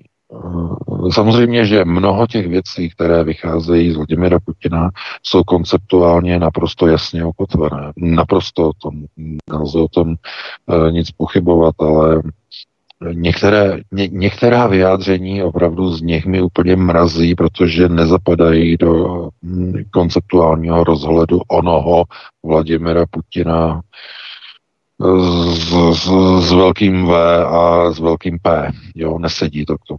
Takže takhle bych na to reagoval, no a pustíme se do dalšího. No volající, odkud máme. Na vás. Tak, jdeme na na volajícího ze Slovenska, takže ho zdravím a vítám a může položit dotaz. Hezký večer. Dobrý večer všetkým prajem zo Slovenska. Dám len povedať eh, ku tomu výsledku tých eh, slovenských voleb. Ja som vlastne volil podľa hodnot, z ktorých som bol vychovaný, ktoré mi dali moji rodičia a starí rodičia. No a tiež vám chcem povedať, že ani tak není veľký problém, že vyhral Fico, pre mainstream a globalistov, ktorí ovládajú tiež Slovensko, ale kto volil Fica? Neviem, či to viete, ale Fica volilo až 18% mladých ľudí. A to je pre nich veľký problém. Lebo nespracovali slovenskú mládež tak ako podobne u vás v Česku. A otázka je, že sa im to nepodarilo. To je taká moja otázka na vás. Takže to je svetlá budúcnosť pre mňa a pre moju krajinu, keď sa im to nedarí a tá propaganda im eh, nefunguje. A preto aj všetci tak kričia, revú v mainstreame a aj mimovládky sú šílenci, proste sú šíli z toho. Mějte se pěkně. Díky, hezký večer. Takže jak to, že se jim to nepovedlo zpracovat mládež na Slovensku? No, um, tohle to, to, to je jedna vůbec jako z nejlepších zpráv, jednoznačně nejlepších zpráv vlastně celých těch slovenských voleb. Já jsem to taky četl, ten článek, 18% eh, voličů Smeru pocházelo vlastně z mladých lidí, uh, což je něco neuvěřitelného. A co to znamená? Je to signál o tom, že genderová politika nefunguje na Slovensku. Na mladé lidi, na velkou část mladých lidí, ne na všechny, ale na poměrně velkou část nefunguje. A to z toho důvodu, že na Slovensku je to proto jedno jediné vysvětlení. Funguje vnitřní kruh rodiny na Slovensku. To je jediné vysvětlení rodina funguje. Tohle to není zásluha samozřejmě slovenských eh, liberalizovaných Sorošem ovládnutých eh, školních vzdělávacích ústavů od mateřských školek až někam po univerzity. To ne. Tohle to je zásluha rodiny, rodinného kruhu. A proč to, proč to třeba funguje na tom Slovensku? A když se podíváme třeba na volby, jak dopadly v České republice, proč to nedopadlo třeba takhle podobně v České republice? Eh, v České republice hodně mladých lidí eh, volilo hnutí Andreje Babiše. Eh, tam byl dokonce nějaký průzkum, že nějakých 21% voličů hnutí ano bylo z mladých lidí to taky asi není zrovna přijatelné pro progresivce eh, v České republice. To taky, taky bychom mohli říct, to je docela dobrý výsledek. Ale eh, bylo by možná lepší, kdyby těch 21% nehlasovalo, mladých lidí nehlasovalo pro uh, opravdu široce rozkročený subjekt, jako je hnutí ano, ale třeba pro nějakou uh, skutečně vlasteneckou stranu. A teď otázka.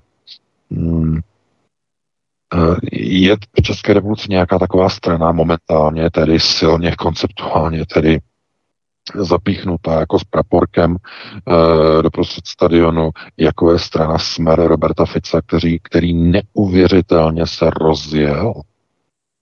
Tak jak se rozjel Robert Fico konceptuálně, jeho, e, jeho politika, že jo, jeho tiskovky, jeho výroky, to je alternativa hadr, to je doslova výkladníst. De facto můžeme říct, až na nějaké drobnosti, to je výkladní skříň Aeronet. Doslova.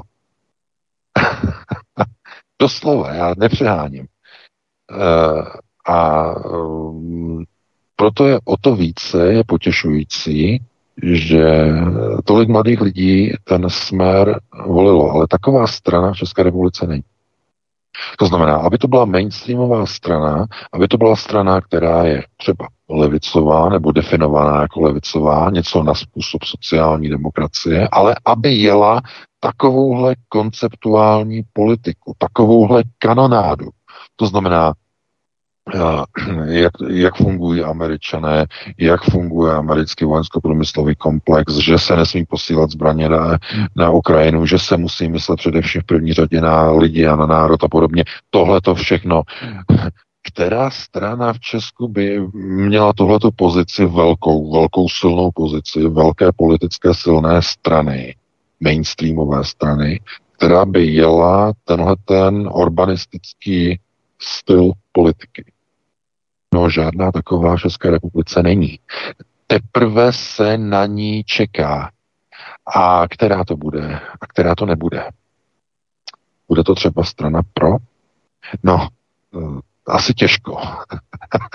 Vzhledem k tomu, co tam zaznívá mm, na těch demonstracích, že no, nebudeme vystupovat na to, a když tak nějaká možná, možná reformička EU zevnitř, aby se neřeklo podobně, já to nechci vůbec ani komentovat, ale především strana pro není zavedená mainstreamová strana jako je smer na Slovensku. To znamená, že v České republice eh, by se musela někde zhmotnit nějaká zavedená strana eh, typu, já nevím, ČSSD nebo nějaká jiná a teď by musela začít razit urbanizační proces v České republice. To, eh, to, to nedovedu si představit. To znamená, opravdu ten směr na tom Slovensku je v tomhle unikátní. A já mám teorii. A to, co proběhlo, ten státní převrat na Slovensku v roce 2018, a dal smeru Robertu Ficovi, který do té doby byl globalčikem, globalistou, pro evropským, pro bruselským politikem se vším všude nahoru dolů, e, že to se nedalo prostě vůbec nějak jako odestát. tak on najednou pochopil v přímém přenosu, eh, jak probíhá barevná, takzvaná barevná revoluce ve slovenských ulicích to, co zažilo v roce 2006 eh, Kyjev při oranžové revoluci a potom rok 2014 znovu Kyjev při Majdanu, to znamená ty barevné revoluce Sorošovců, jak to vypadá v reálu v slovenských ulicích. On najednou viděl, že se jedná o státní převrat. A s hrůzou zjistil, že ty procesy vychází od nejbližšího vojenského spojence Spojených států. On to viděl a zažil to na vlastní kůži, v přímém přenosu viděl, se americká státní moc skrze Sorosovy zdroje, systémy řízení, snaží ho takzvaně podříznout politicky. Doslova. A uh, poznatek toho, k čemu došlo, a si najednou uvědomil, že téhle chvíli a v tom okamžiku, on když se chce vrátit, on se musí nějakým způsobem poučit. S kým už se nemůže spojovat, jakou notu už nemůže budovat, eh, na jakou notu už nemůže nasednout a jaký proces musí začít takzvaně kultivovat. To znamená proces urbanizace. Samozřejmě na slovensky upravený lehce, že jo, e, zamašličkovaný způsob, protože to nebude úplná kopie, ale e, jednoznačně e, je to ta zkušenost z toho roku 2018. Tak kdyby tam nebyla, tak e, Smer nikdy v podstatě neměl tady tu politiku, nedělal by tuhle politiku ani omylem, ani náhodou. To znamená, to, co proběhlo v roce 2018 a v těch letech následujících, když se dostala progresivní fronta se všemi těmi Matoviči a Hegery a dalšími k moci a s různými Čaptovými a dalšími k moci, tak ten neuvěřitelný tlak na likvidaci Smeru, likvidaci Roberta Fica, i když už byl eh, v podstatě jakoby v politickém důchodu, tak snaha o jeho absolutní likvidaci vedla skoro okolností právě eh, k vytěsnění toho Smeru směrem k slovenské alternativy. Protože ten střed politický na Slovensku ho nechtěl uvnitř sebe. To znamená, ten směr byl vytlačený směrem k alternativě, k alternativním stranám, k alternativním médiím, k alternativním voličům. To znamená, byl vytlačený celým tím systémem. No a tomu samozřejmě přivedlo voliče. Nové voliče, mladé voliče. Díky tomu vyhrál volby. To znamená, tenhle ten proces se může kdykoliv i opakovat v jakékoliv jiné zemi za vhodných konstelací, zdůraznuju, za vhodných okolností. Ne všude se to bude kopírovat, ne všude se to povede, ale za vhodných situací se ten proces může zopakovat. Takže takhle bych to zhodnotil, no a pustíme se do dalšího volajícího, pokud máme. Jistě, že máte, že máme a ano, můžete položit dotaz. Hezký večer. Tady posloucháme Olomouce. Já bych měl dotazy na pana VK i na Vítka. Víte, uh, myslím, před dvěma týdny jste zmiňoval ve svém pořadu uh, digitální identitu. A já, jak se zabývám alternativou, tak já i překládám videa. Přeložil jsem tedy video z Austrálie Maria Z s inženýrem ze Silicon Valley a tam je digitální identita rozebraná naprosto přehledně, digitální města, to inteligentní vybavení, přístup nulové důvěry. Myslím, že teďka je tak akorát čas na to, aby se lidi o tomhle dověděli. A já jsem vám poslal i na svobodný vysílač, i na Aeronet odkaz na to video. A jen jsem se chtěl zeptat, eh, jestli vám to došlo, nebo jestli je s tím nějaký problém. Jako nedostal jsem žádnou reakci, jenom jsem se chtěl zeptat, jestli byste třeba o to měli zájem se na to podívat. Tak asi takhle. A ještě tam je spousta jiných, ještě jsem přeložil spoustu jiných zajímavých videí, kdybyste měli zájem, třeba stačilo by napsat. Jo, dobře, to dobře. Je tak, tak jo, děkujeme, hezký večer. No, já se na to podívám, jestli to tam někde je eh, v e-mailech, protože dostáváme opravdu spoustu e-mailů. Eh, a co se týče nevyžádané pošty, tak to je vždycky problém, že pokud je to nevyžádaná pošta, tak to vlastně končí v hromadné sérii e-mailů. A, takže to musím projít, na to nemám přes týden čas, takže o víkendu se na to podívám. Jo? Ale pokud to tam najdu, tak samozřejmě se na to podívám a děkuji dopředu.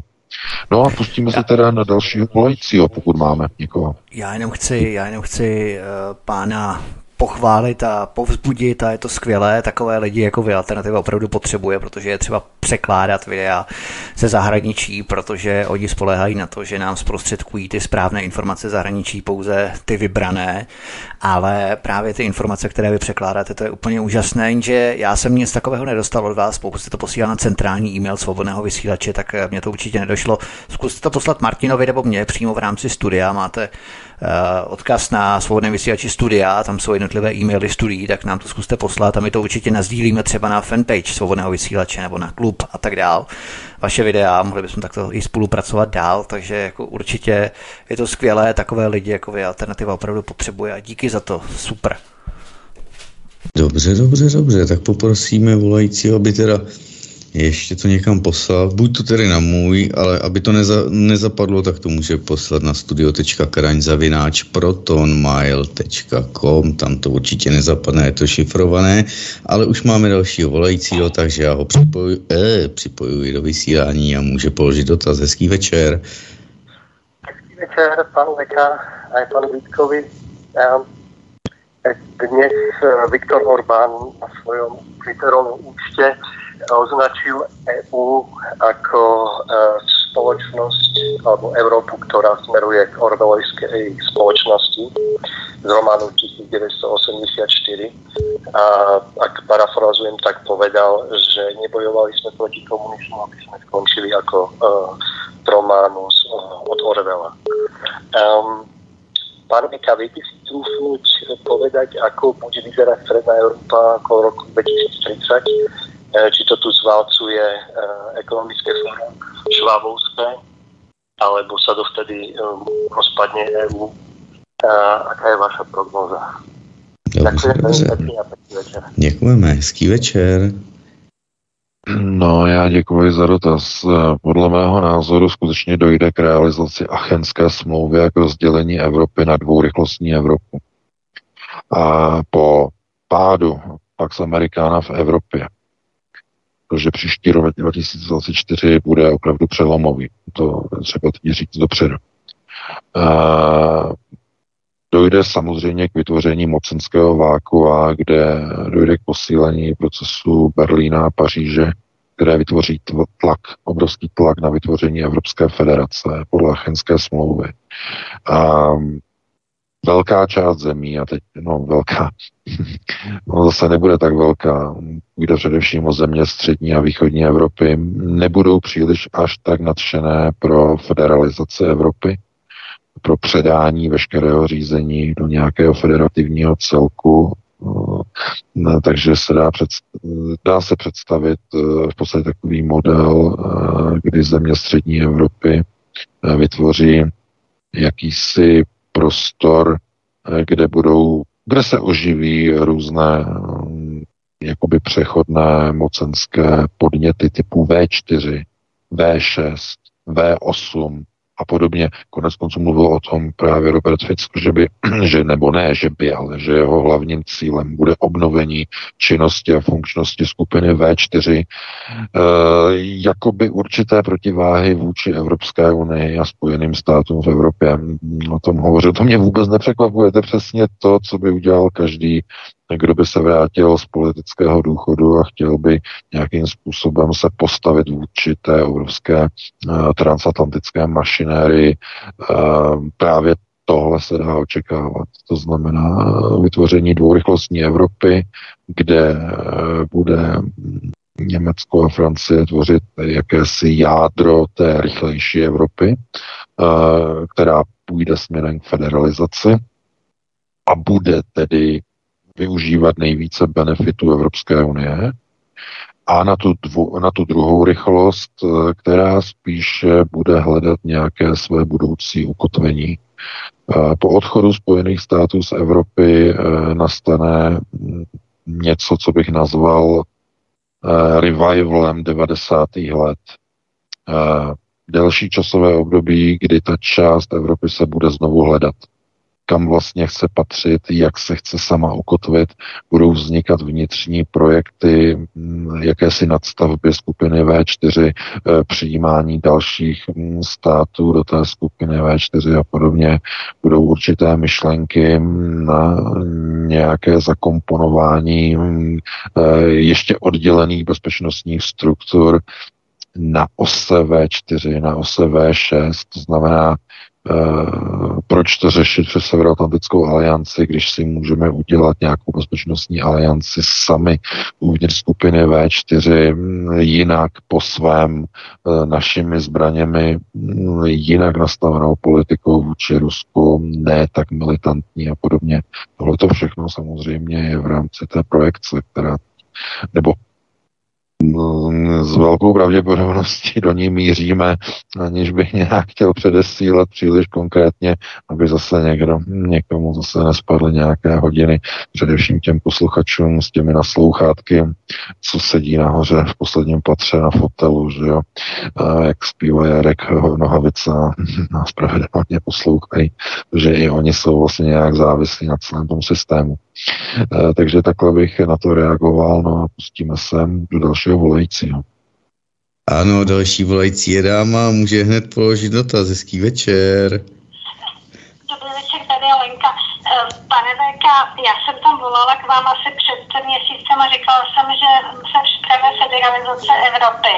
Dokonce se vám posílala um, odkaz na dokument důležitý, který byl přijatý jako jeden z prvních v Unii. Bylo to 14.9. ho schválili a jmenuje se o parlamentarismu Eh, evropském občanství a, a demokracii. Čekala jsem, že uděláte nějakou právní analýzu a nic.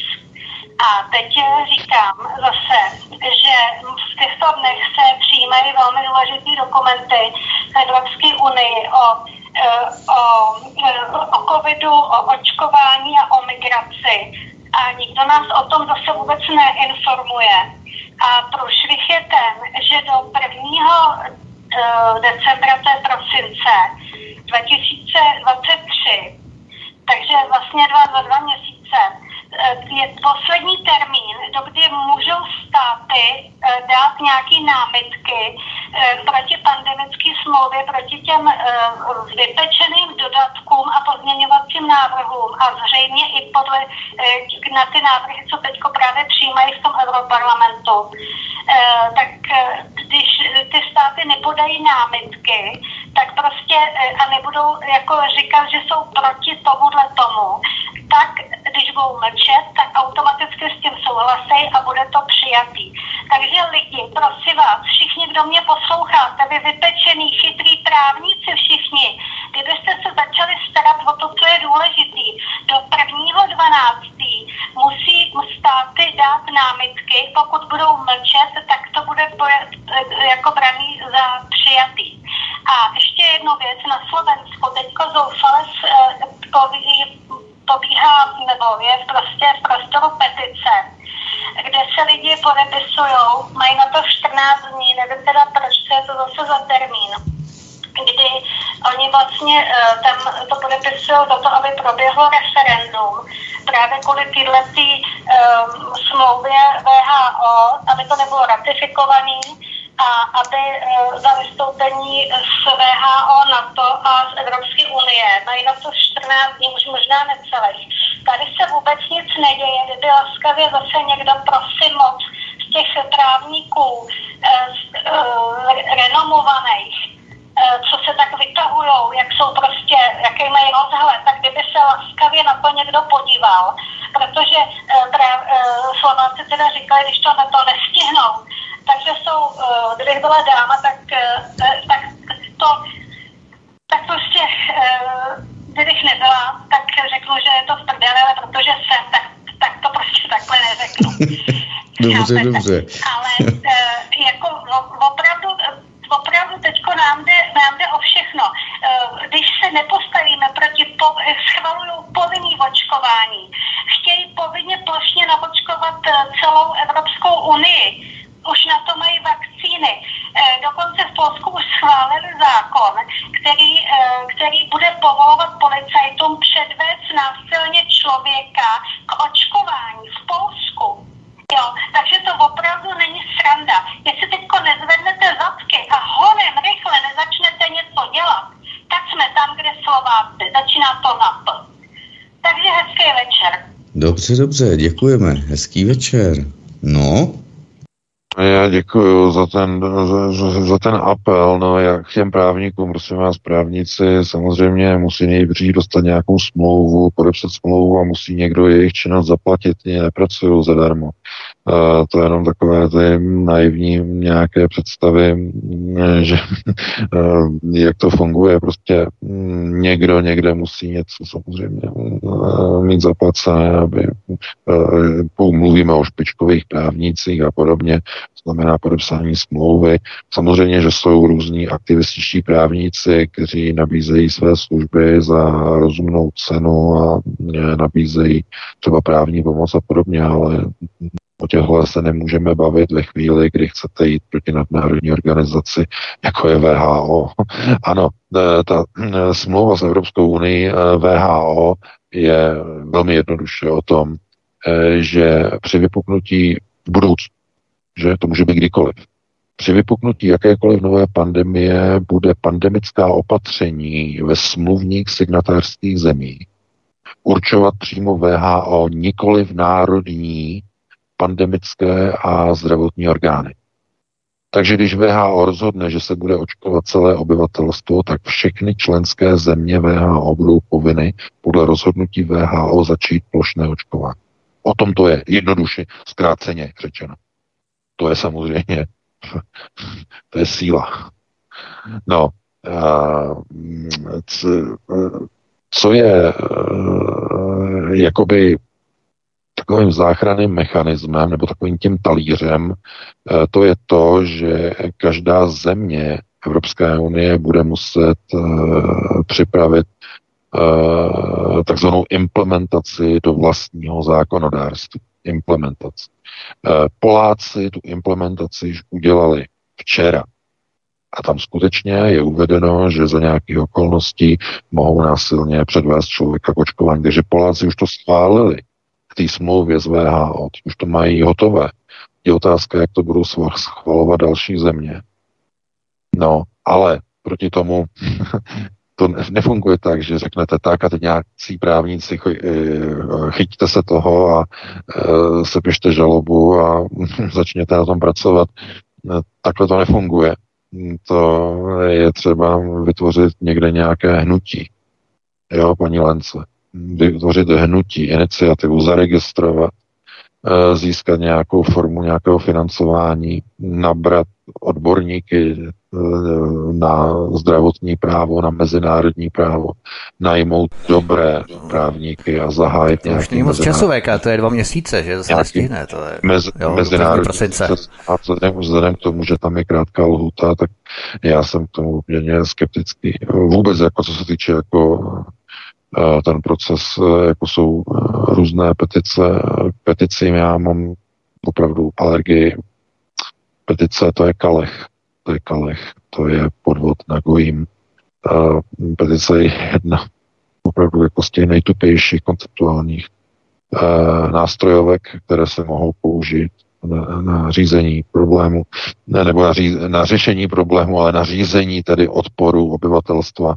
Mm, je to jeden, dokonce petice jsou jeden z velmi účinných upouštěcích ventilů v procesech řízení. Vlády dokonce zakládají petice. Možná jste viděli ten obrovský skandál na serveru moveon.org pro Spojených státech, kde petice proti očkování eh, eh, přímo eh, americké ministerstvo zdravotnictví v době covidové krize publikovalo, potom to uniklo že IP adresy ukazovaly, eh, že přímo americké ministerstvo zdravotnictví dělalo petice, protože proč? No, protože peticemi na moveon.org se upouští ventil. Tedy upouští se tlak pomocí ventilu, pomocí naštvání obyvatelstva z povinného očkování. Chápete, takhle to funguje. To je hlavní účel petic.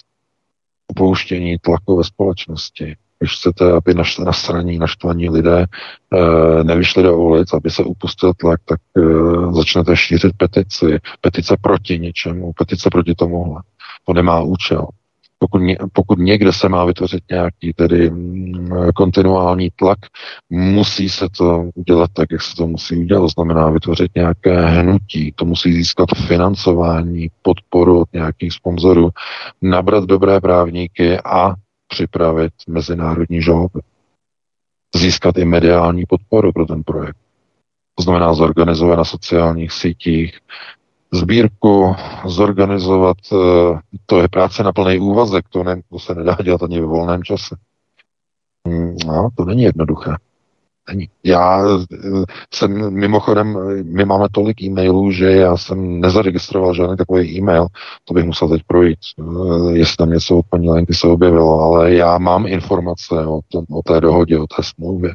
To není novinka, že bych o ní nevěděl z VH, ale Některé věci zkrátka uh, probíhají um, jakoby už objektivně a uh, lidé tomu nechávají volný průběh, protože mají spoustu jiných starostí. To je samozřejmě chyba. Aha, toho globalčeky využívají. Takže tak bych na to reagoval, no a pustíme se do dalšího volajícího. Uvidíme, jestli se to chytne třeba pro Libertate, ti jsou takový velmi dobří a zdatní a aktivističní, nebo aktivní spíš, akční, tak, to je ještě lepší slovo, operativní a jsou velmi dobří Tomáš Nilsen a další lidé a v podstatě pro Libertate to jsou ti, kteří právě odešli se hnutí pro s tím prohlášením, že stranu nebo hnutí ovládají nějaké eh, zákulisní mechanismy a lidé, kteří prošli nějakými politickými stranami a nemá tam co dělat už eh, nějaký pragmatismus, ale je to pouze o trafikách a politických politickém partajničení, takže proto odešli ti právníci. Takže ti jsou právě dobří a kdyby se toho chytli, tak by to bylo opravdu úžasné pro Libertate. Ti jsou velmi dobří. Tak to je jenom takový trošku námět nebo povzbuzení a pojďme na dalšího posluchače. To jdeme na to, další posluchač čeká a může tedy položit dotaz. Hezký večer. Dobrý večer, slyšíme se? Ano, ano. Jo, tak tady, tady partizán z Prahy. Uh, já mám já mám dva dotazy. Uh, už, se, už se proti boji proti kapitalismu a globalismu mám 20 let, takže si pana VK hodně vážím, protože vím, o čem to všechno je a chtěl bych se zeptat, uh, proč vlastně globalisty tak strašně zajímá, uh, proč globalisty tak strašně zajímá numerologie. A konkrétně mě zajímalo číslo, číslo 7 a číslo 64 a potom mě zajímalo, proč uh, má svobodný, svobodný vysílač bez znaku českou vlajku, když vlastně vyjadřuje zednářskou symboliku. Děkuji, děkuji a budu poslouchat, děkuji, mějte se moc a moc vážím vaší práce a e, proti státu kapitánu za svobodnou samozprávu. Boj, boj, že odpor, odpor pokračuje. Mějte se moc, mějte se, děkuji, děkuji, budu poslouchat, děkuji, mějte se. Díky, hezký večer. Hezký večer.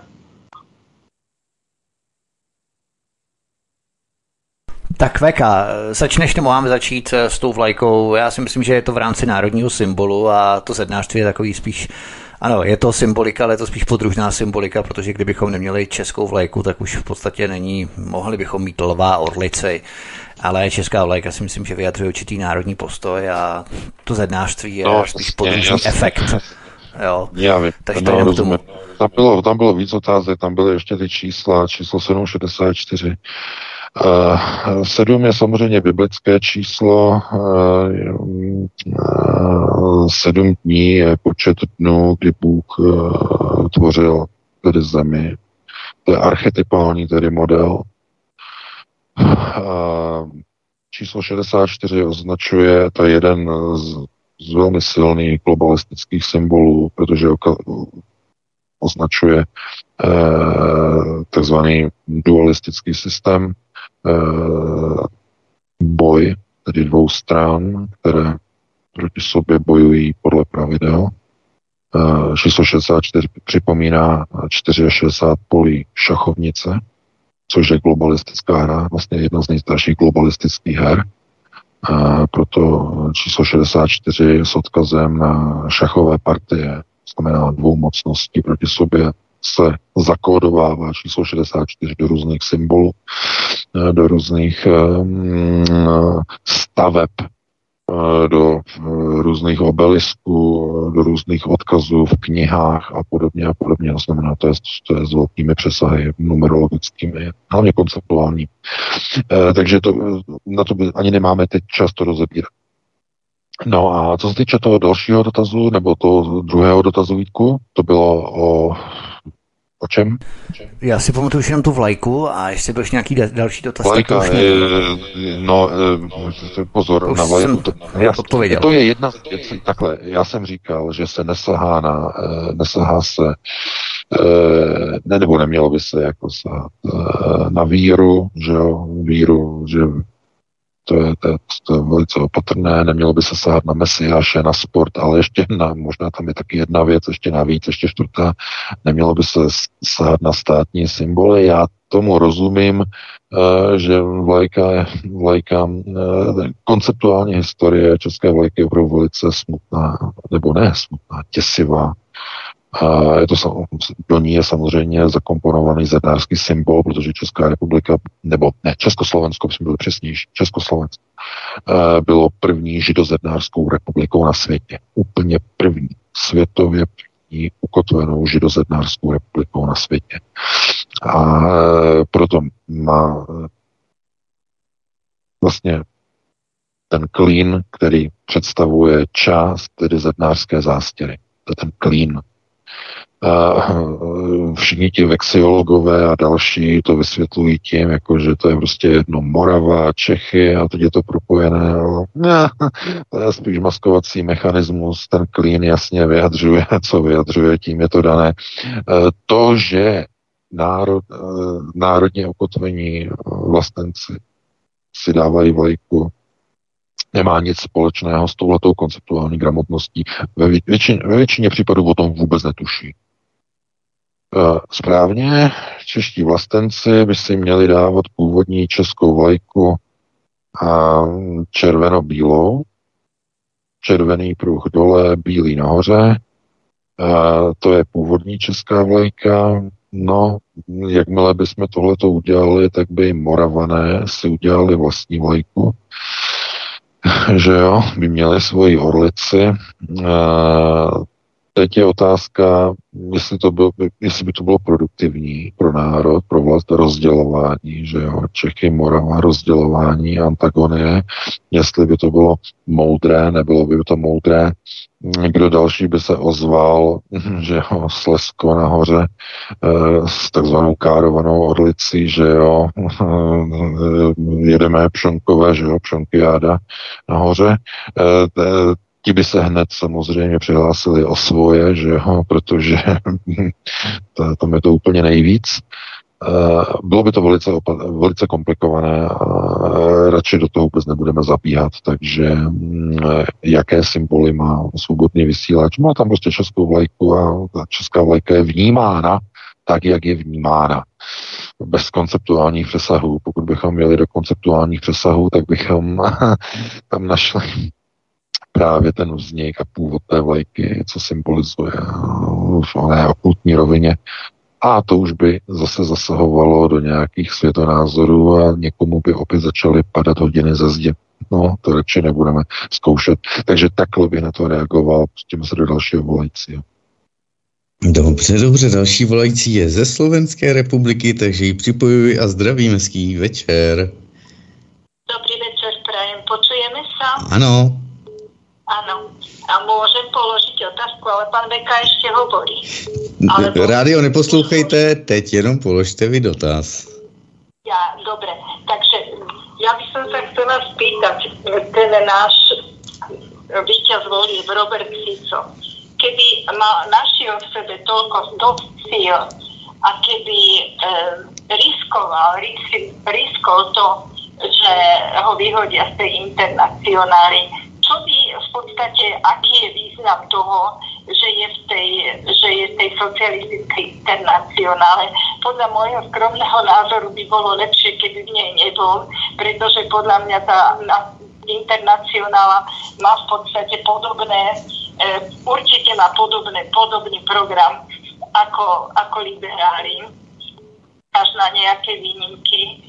Takže to sa chcem spýtať, že čo by vlastne hrozilo od tej internacionály, aké posti, čo by bolo nevýhodou pre Roberta Fica, keby to riskoval a keby teda urobil tú koalíciu tak, ako by bolo najlepšie. To je jedna otázka. A druhá otázka je to, že e, hovorí, že z NATO sa dá jednoducho vystúpiť, že iba oznámiť a e, že vystupujeme z NATO. Tam nie, by nemal byť problém, že ako by to, čo by, e, ako by to riešil pán Veka. Hmm. Ďakujem veľmi pekne. Dobře, Ďakujem dobře. za to, čo robíte pre, pre nás, pre ľudí. A Okay. želám vám všetko, všetko dobré.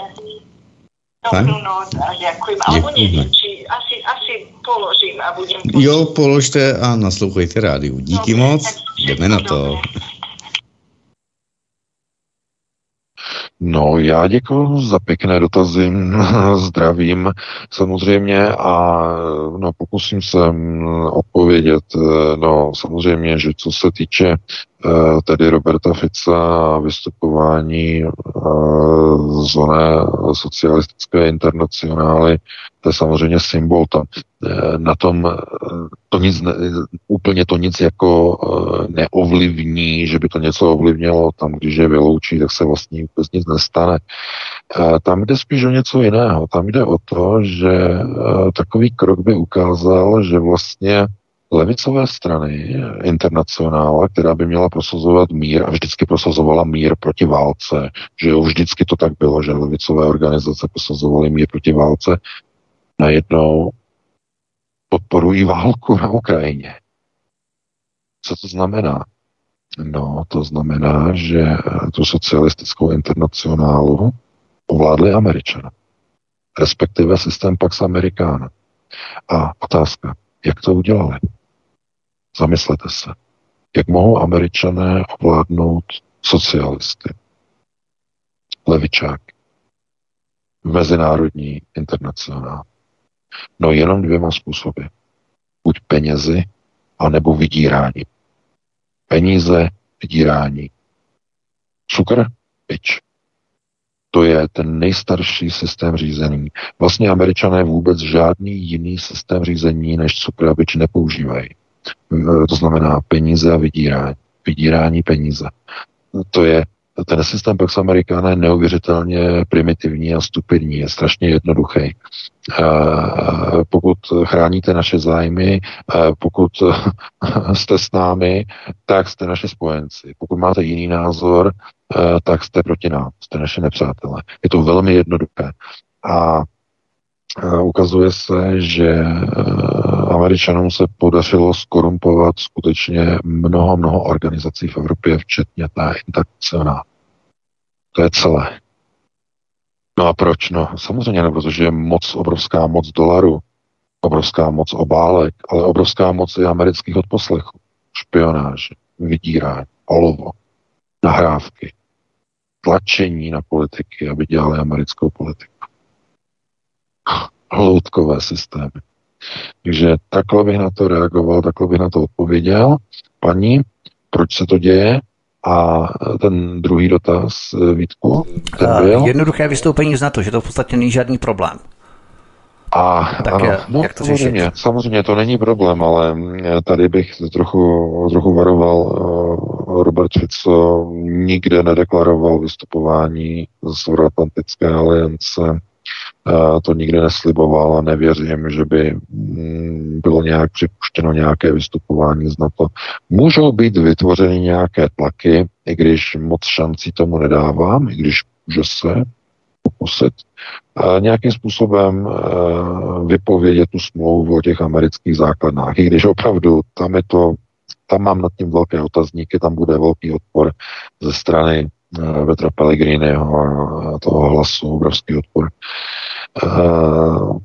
Ale vystupování z NATO nemá směr vůbec ve volebním programu a nemá vystupování ani z Evropské unie vůbec nic, ale je tam to, co eh, de facto jakoby je stavěno do toho nového modelu, eh, který byl dosud nevýdaný a byl nevyzkoušený.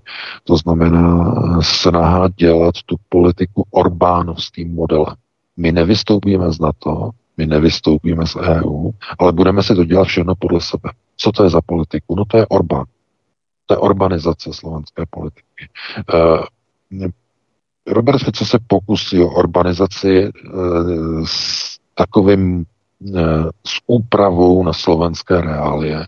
Nebude to úplně Orbán, ale bude tam snaha okopírovat některé, některé procesy. Už jsme viděli první vlaštovku, to znamená hra, společné hranice Maďarsko-Slovensko, rozmístění vojáci a policisté, což mimochodem konečně schválila dočasná a dosluhující e, vláda pana Odora, že? No, protože už jí nezbývá nic jiného, volby skončily, Fico vyhrál volby, no tak, aby nevypadala špatně, tak rozmístila konečně policajty a vojáky na maďarsko-slovenské hranici. Eh, z jakého důvodu? No, protože Česká republika, Rakousko a Polsko uzavřelo také hranice, respektive ne, že uzavřelo, ale zavedlo kontroly pro projíždějící mm, slovenská auta. Před čímž mimochodem Robert Fico varoval před volbami, že k tomu dojde. No a skutečně k tomu došlo. Takže takhle bych na to reagoval, no a pustíme se do dalšího volajícího. Tak máme 55 nebo 56, takže posledního posluchače, prosím, už nám nevolejte. Je to poslední posluchač, abychom včas předali dalšímu studiu. Děkujeme. Dobře, dobře, takže volá Francie a já vyzývám, aby položila dotaz. Hezký večer. No, hezký večer. Hezký večer všem a speciální dík, myslím si, že to je pan Martin, že zavolal mi zpátky, takže jako to je důkaz toho, že existují ještě dobrý lidi. A měl bych jsem dotaz na pana VK, mluvil jsem o těch knížek, napíšu vám to reakce, abych jsem poslal kontakt, aby se mohl koupit, když se to furt zablokovaný, to je jedna věc. A otázka je taková, doslech jsem se, nevím, jestli to je pravda, že v České republice by se, by se měl připravovat zákon na zvýšení věku mobilizace až na 60 let. Vím, že v Ukrajině to je například na 70 a že v Čechách by se to mělo zvýšit na těch 60. To je ta moje otázka. Děkuji, fandím všem, snažím se roz, rozvíjet ty rozbory tady mezi Čechoslováky a funguje to, pane Meka, jo, takže prostě fandím všem. No, Děkujeme. Hezký večer. Hezký večer. Ano, je to, je to pravda, je to pravda. Eh, ještě to není uzákoněné, ale je to návrh ve vrchní radě, ukrajinské návrh na eh, strop eh, mobilizace Eh, ukrajinských mužů na 70 let. Je to, je to novinka. Mm, bylo v polovině týdne, to přinesla ukrajinská pravda. Eh, je to návrh, návrh, eh, než to není to schválené, ale no zřejmě to projde, bude to. Česká republice na 60 let. Hmm, to slučilo No, protože to oni nemají schopné vojáky. Je to, podívejte se, je to jednoduché. Oni chtějí pro případ války s Ruskem natáhnout do uniform bývalé vojáky Československé lidové armády. To je naprosto zjevné, je to, je to veřejné tajemství. Oni nemají e, potřebné počty, oni nemají mm, mladé vojáky, kteří by uměli vzít prostě pušku do ruky a trefit na 10 metrů terč, protože nic takového nikdo z těch mladých kluků nikdy nedělal, protože hrajou maximálně Call of Duty a podobně na počítači. Takže dneska, aby někdo chodil někam na střelnice, třeba se vzduchovkou a potom s malorážkou a někde něco trefoval, dneska už asi nedělá uh, minulá doba. Uh, takže oni potřebují pro případný konflikt nabrat samozřejmě bývalé vojáky ČSLA. To je jednoduché. No a na Ukrajině to samé uh, s ukrajinskou armádou. To samé, úplně to samé. To znamená bývalé vojáky, kteří byli třeba vyškoleni na, na tanky, byli vyškoleni se samopalem, dokážou něco střelit na dálku, na terč, e, mají nějaký ten, si ještě možná vzpomenou, nebo si to oživí během e, šestidenního výcviku, že jaké byly nějaké povely a drily a že se někdo někde plazil a, a samozřejmě, že v těch 70 letech nebo 60 letech už má taky bříško má nějaké e, třeba zdravotní problémy, Um, kolik toho zvládne na té frontě, nikdo neví. Bude spíš někde v nějakém týlu, bude něco zabezpečovat, nějakou logistiku, bude možná u spojařů, mm, bude něco někde na dálku, možná nějaký dron ovládat. Mm, a spíš ne, protože to budou dělat spíš ti mladí. A uh, to je, je to znouzecnost. Víte, že uh, Calamity Jane, uh, že Frau Černoch, že spustila ty náborové akce na dobrovolníky, jak ona to pojmenovala, Vítku, uh, uh, rezervy. Ani nevím. Jak? Nějak rezervy, jako České národní rezervy, nebo tak nějak to pojmenovala. Radši, radši nevím, a, při, a přihlásilo se jí nějakých 40 lidí z celé České republiky, potom se to zlepšilo nějakých 120 lidí, no obrovský průser, nejsou lidi. Eh, kteří by měli zájem jít do nějakých rezerv a potom, aby byli vysláni někam do nějaké války, někam, někam Bůh ví kam. Eh, takže oni v případě mobilizace zjistili, aha, bude problém. Mladí lidi eh, neměli v životě zbraň v ruce, nebyli v armádě.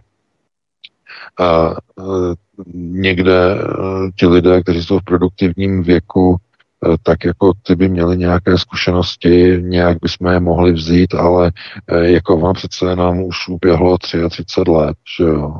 Po 34 let od té revoluce a od nějaké té doby, když eh, ještě ta armáda fungovala, protože po roce 90 už ten základní vojenský výcvik už se ani skoro nepočítalo, to byla dovolená, takže oni se spíš dívají na ty lidi před rokem 89, že by je nějakým způsobem natáhli zpátky do systému proto těch 60 let.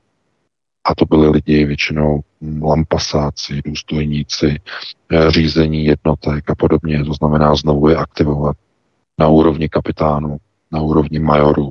To znamená ti, kteří jsou dneska už třeba, nevím, eh, na nějaké pozici, byli v armádě, byli profesionální, eh, už by jako odcházeli do důchodu, ale oni je udělají do 60, to znamená ještě v 60, aby byli možná aktivovatelní, což je naprosto neuvěřitelné. To je zoufalost, to je tragédie. Takže to mě nepřekvapuje vůbec ne. To zvyšování toho věku do důchodu, teda věku eh, mobilizovatelnosti takhle bychom to řekli, mobilizovatelnosti až na těch 70 let na Ukrajině a 60 v Česku mě nepřekvapuje. může to naznačovat, že oni počítají s tím, že když to propukne, konflikt s Ruskem, když by se náhodou stalo, tak aby měli kam šáhnout. Takhle hm, lakonicky to lze schrnout. Takže to je všechno. Pro dnešek máme 22.02. Vítku, já se s tebou loučím, s tebou Martine. Eh, já děkuji za vysílání, za přenosy, za písničky. Doufám, že se vám to všem dneska líbilo. No a pokud si najdete čas, tak zase příští pátek po 19.30 se opět ozveme a opět probereme nová témata z domova i ze světa. Vy si užijete týden pracovní, ještě více si užijete víkend a pro tuto chvíli vám přeji krásnou dobrou noc. Já se s tebou taky loučím, VK, měj se moc hezky, i s vámi, milí posluchači, s tebou, hlavně Martine, moc děkuju a děkuji vám také za podporu. Dnes jsme byli dlouzí jako lovosice, takže skončíme včas. Já vás jenom v rychlosti upozorním na eh, to, že se tady zmínil Klaus Schwab a Světové ekonomické fórum, tak chystáme na začátku příštího roku jako první pořad od ledna 2024 historii Světového ekonomického fóra Klause Schwaba, eh, kde budu mimo jiné také rozebírat digitální měnu, digitální identitu, sociální kreditní systém a tak dále. V podstatě všechnu tuto trojici, vlastně tu, eh, řekněme, Trinity, tento systém, eh, trojitý systém, eh, který v podstatě je propojený s veškerými těmito prvky, tak eh, to budu rozebírat samozřejmě včetně historie a zavádění těchto prvků v rámci Světového ekonomického fóra, takže se máte na co těšit. To jenom ve zkratce, já vás samozřejmě zvu na vysílání po, teď po Martinovi, po mně, po panu VK, protože následuje Michal Studio Praha kalendárium, jako vždycky. Myslím, že teď mi psal Michal 45 minut nebo 75 minut, prostě bude to delší, takže si určitě počkejte. No a já se s vámi rozloučím, mějte se moc krásně, dobrý večer, případně dobrou noc. Od mikrofonu vás zdraví Vítek, přeju vám hezký večer.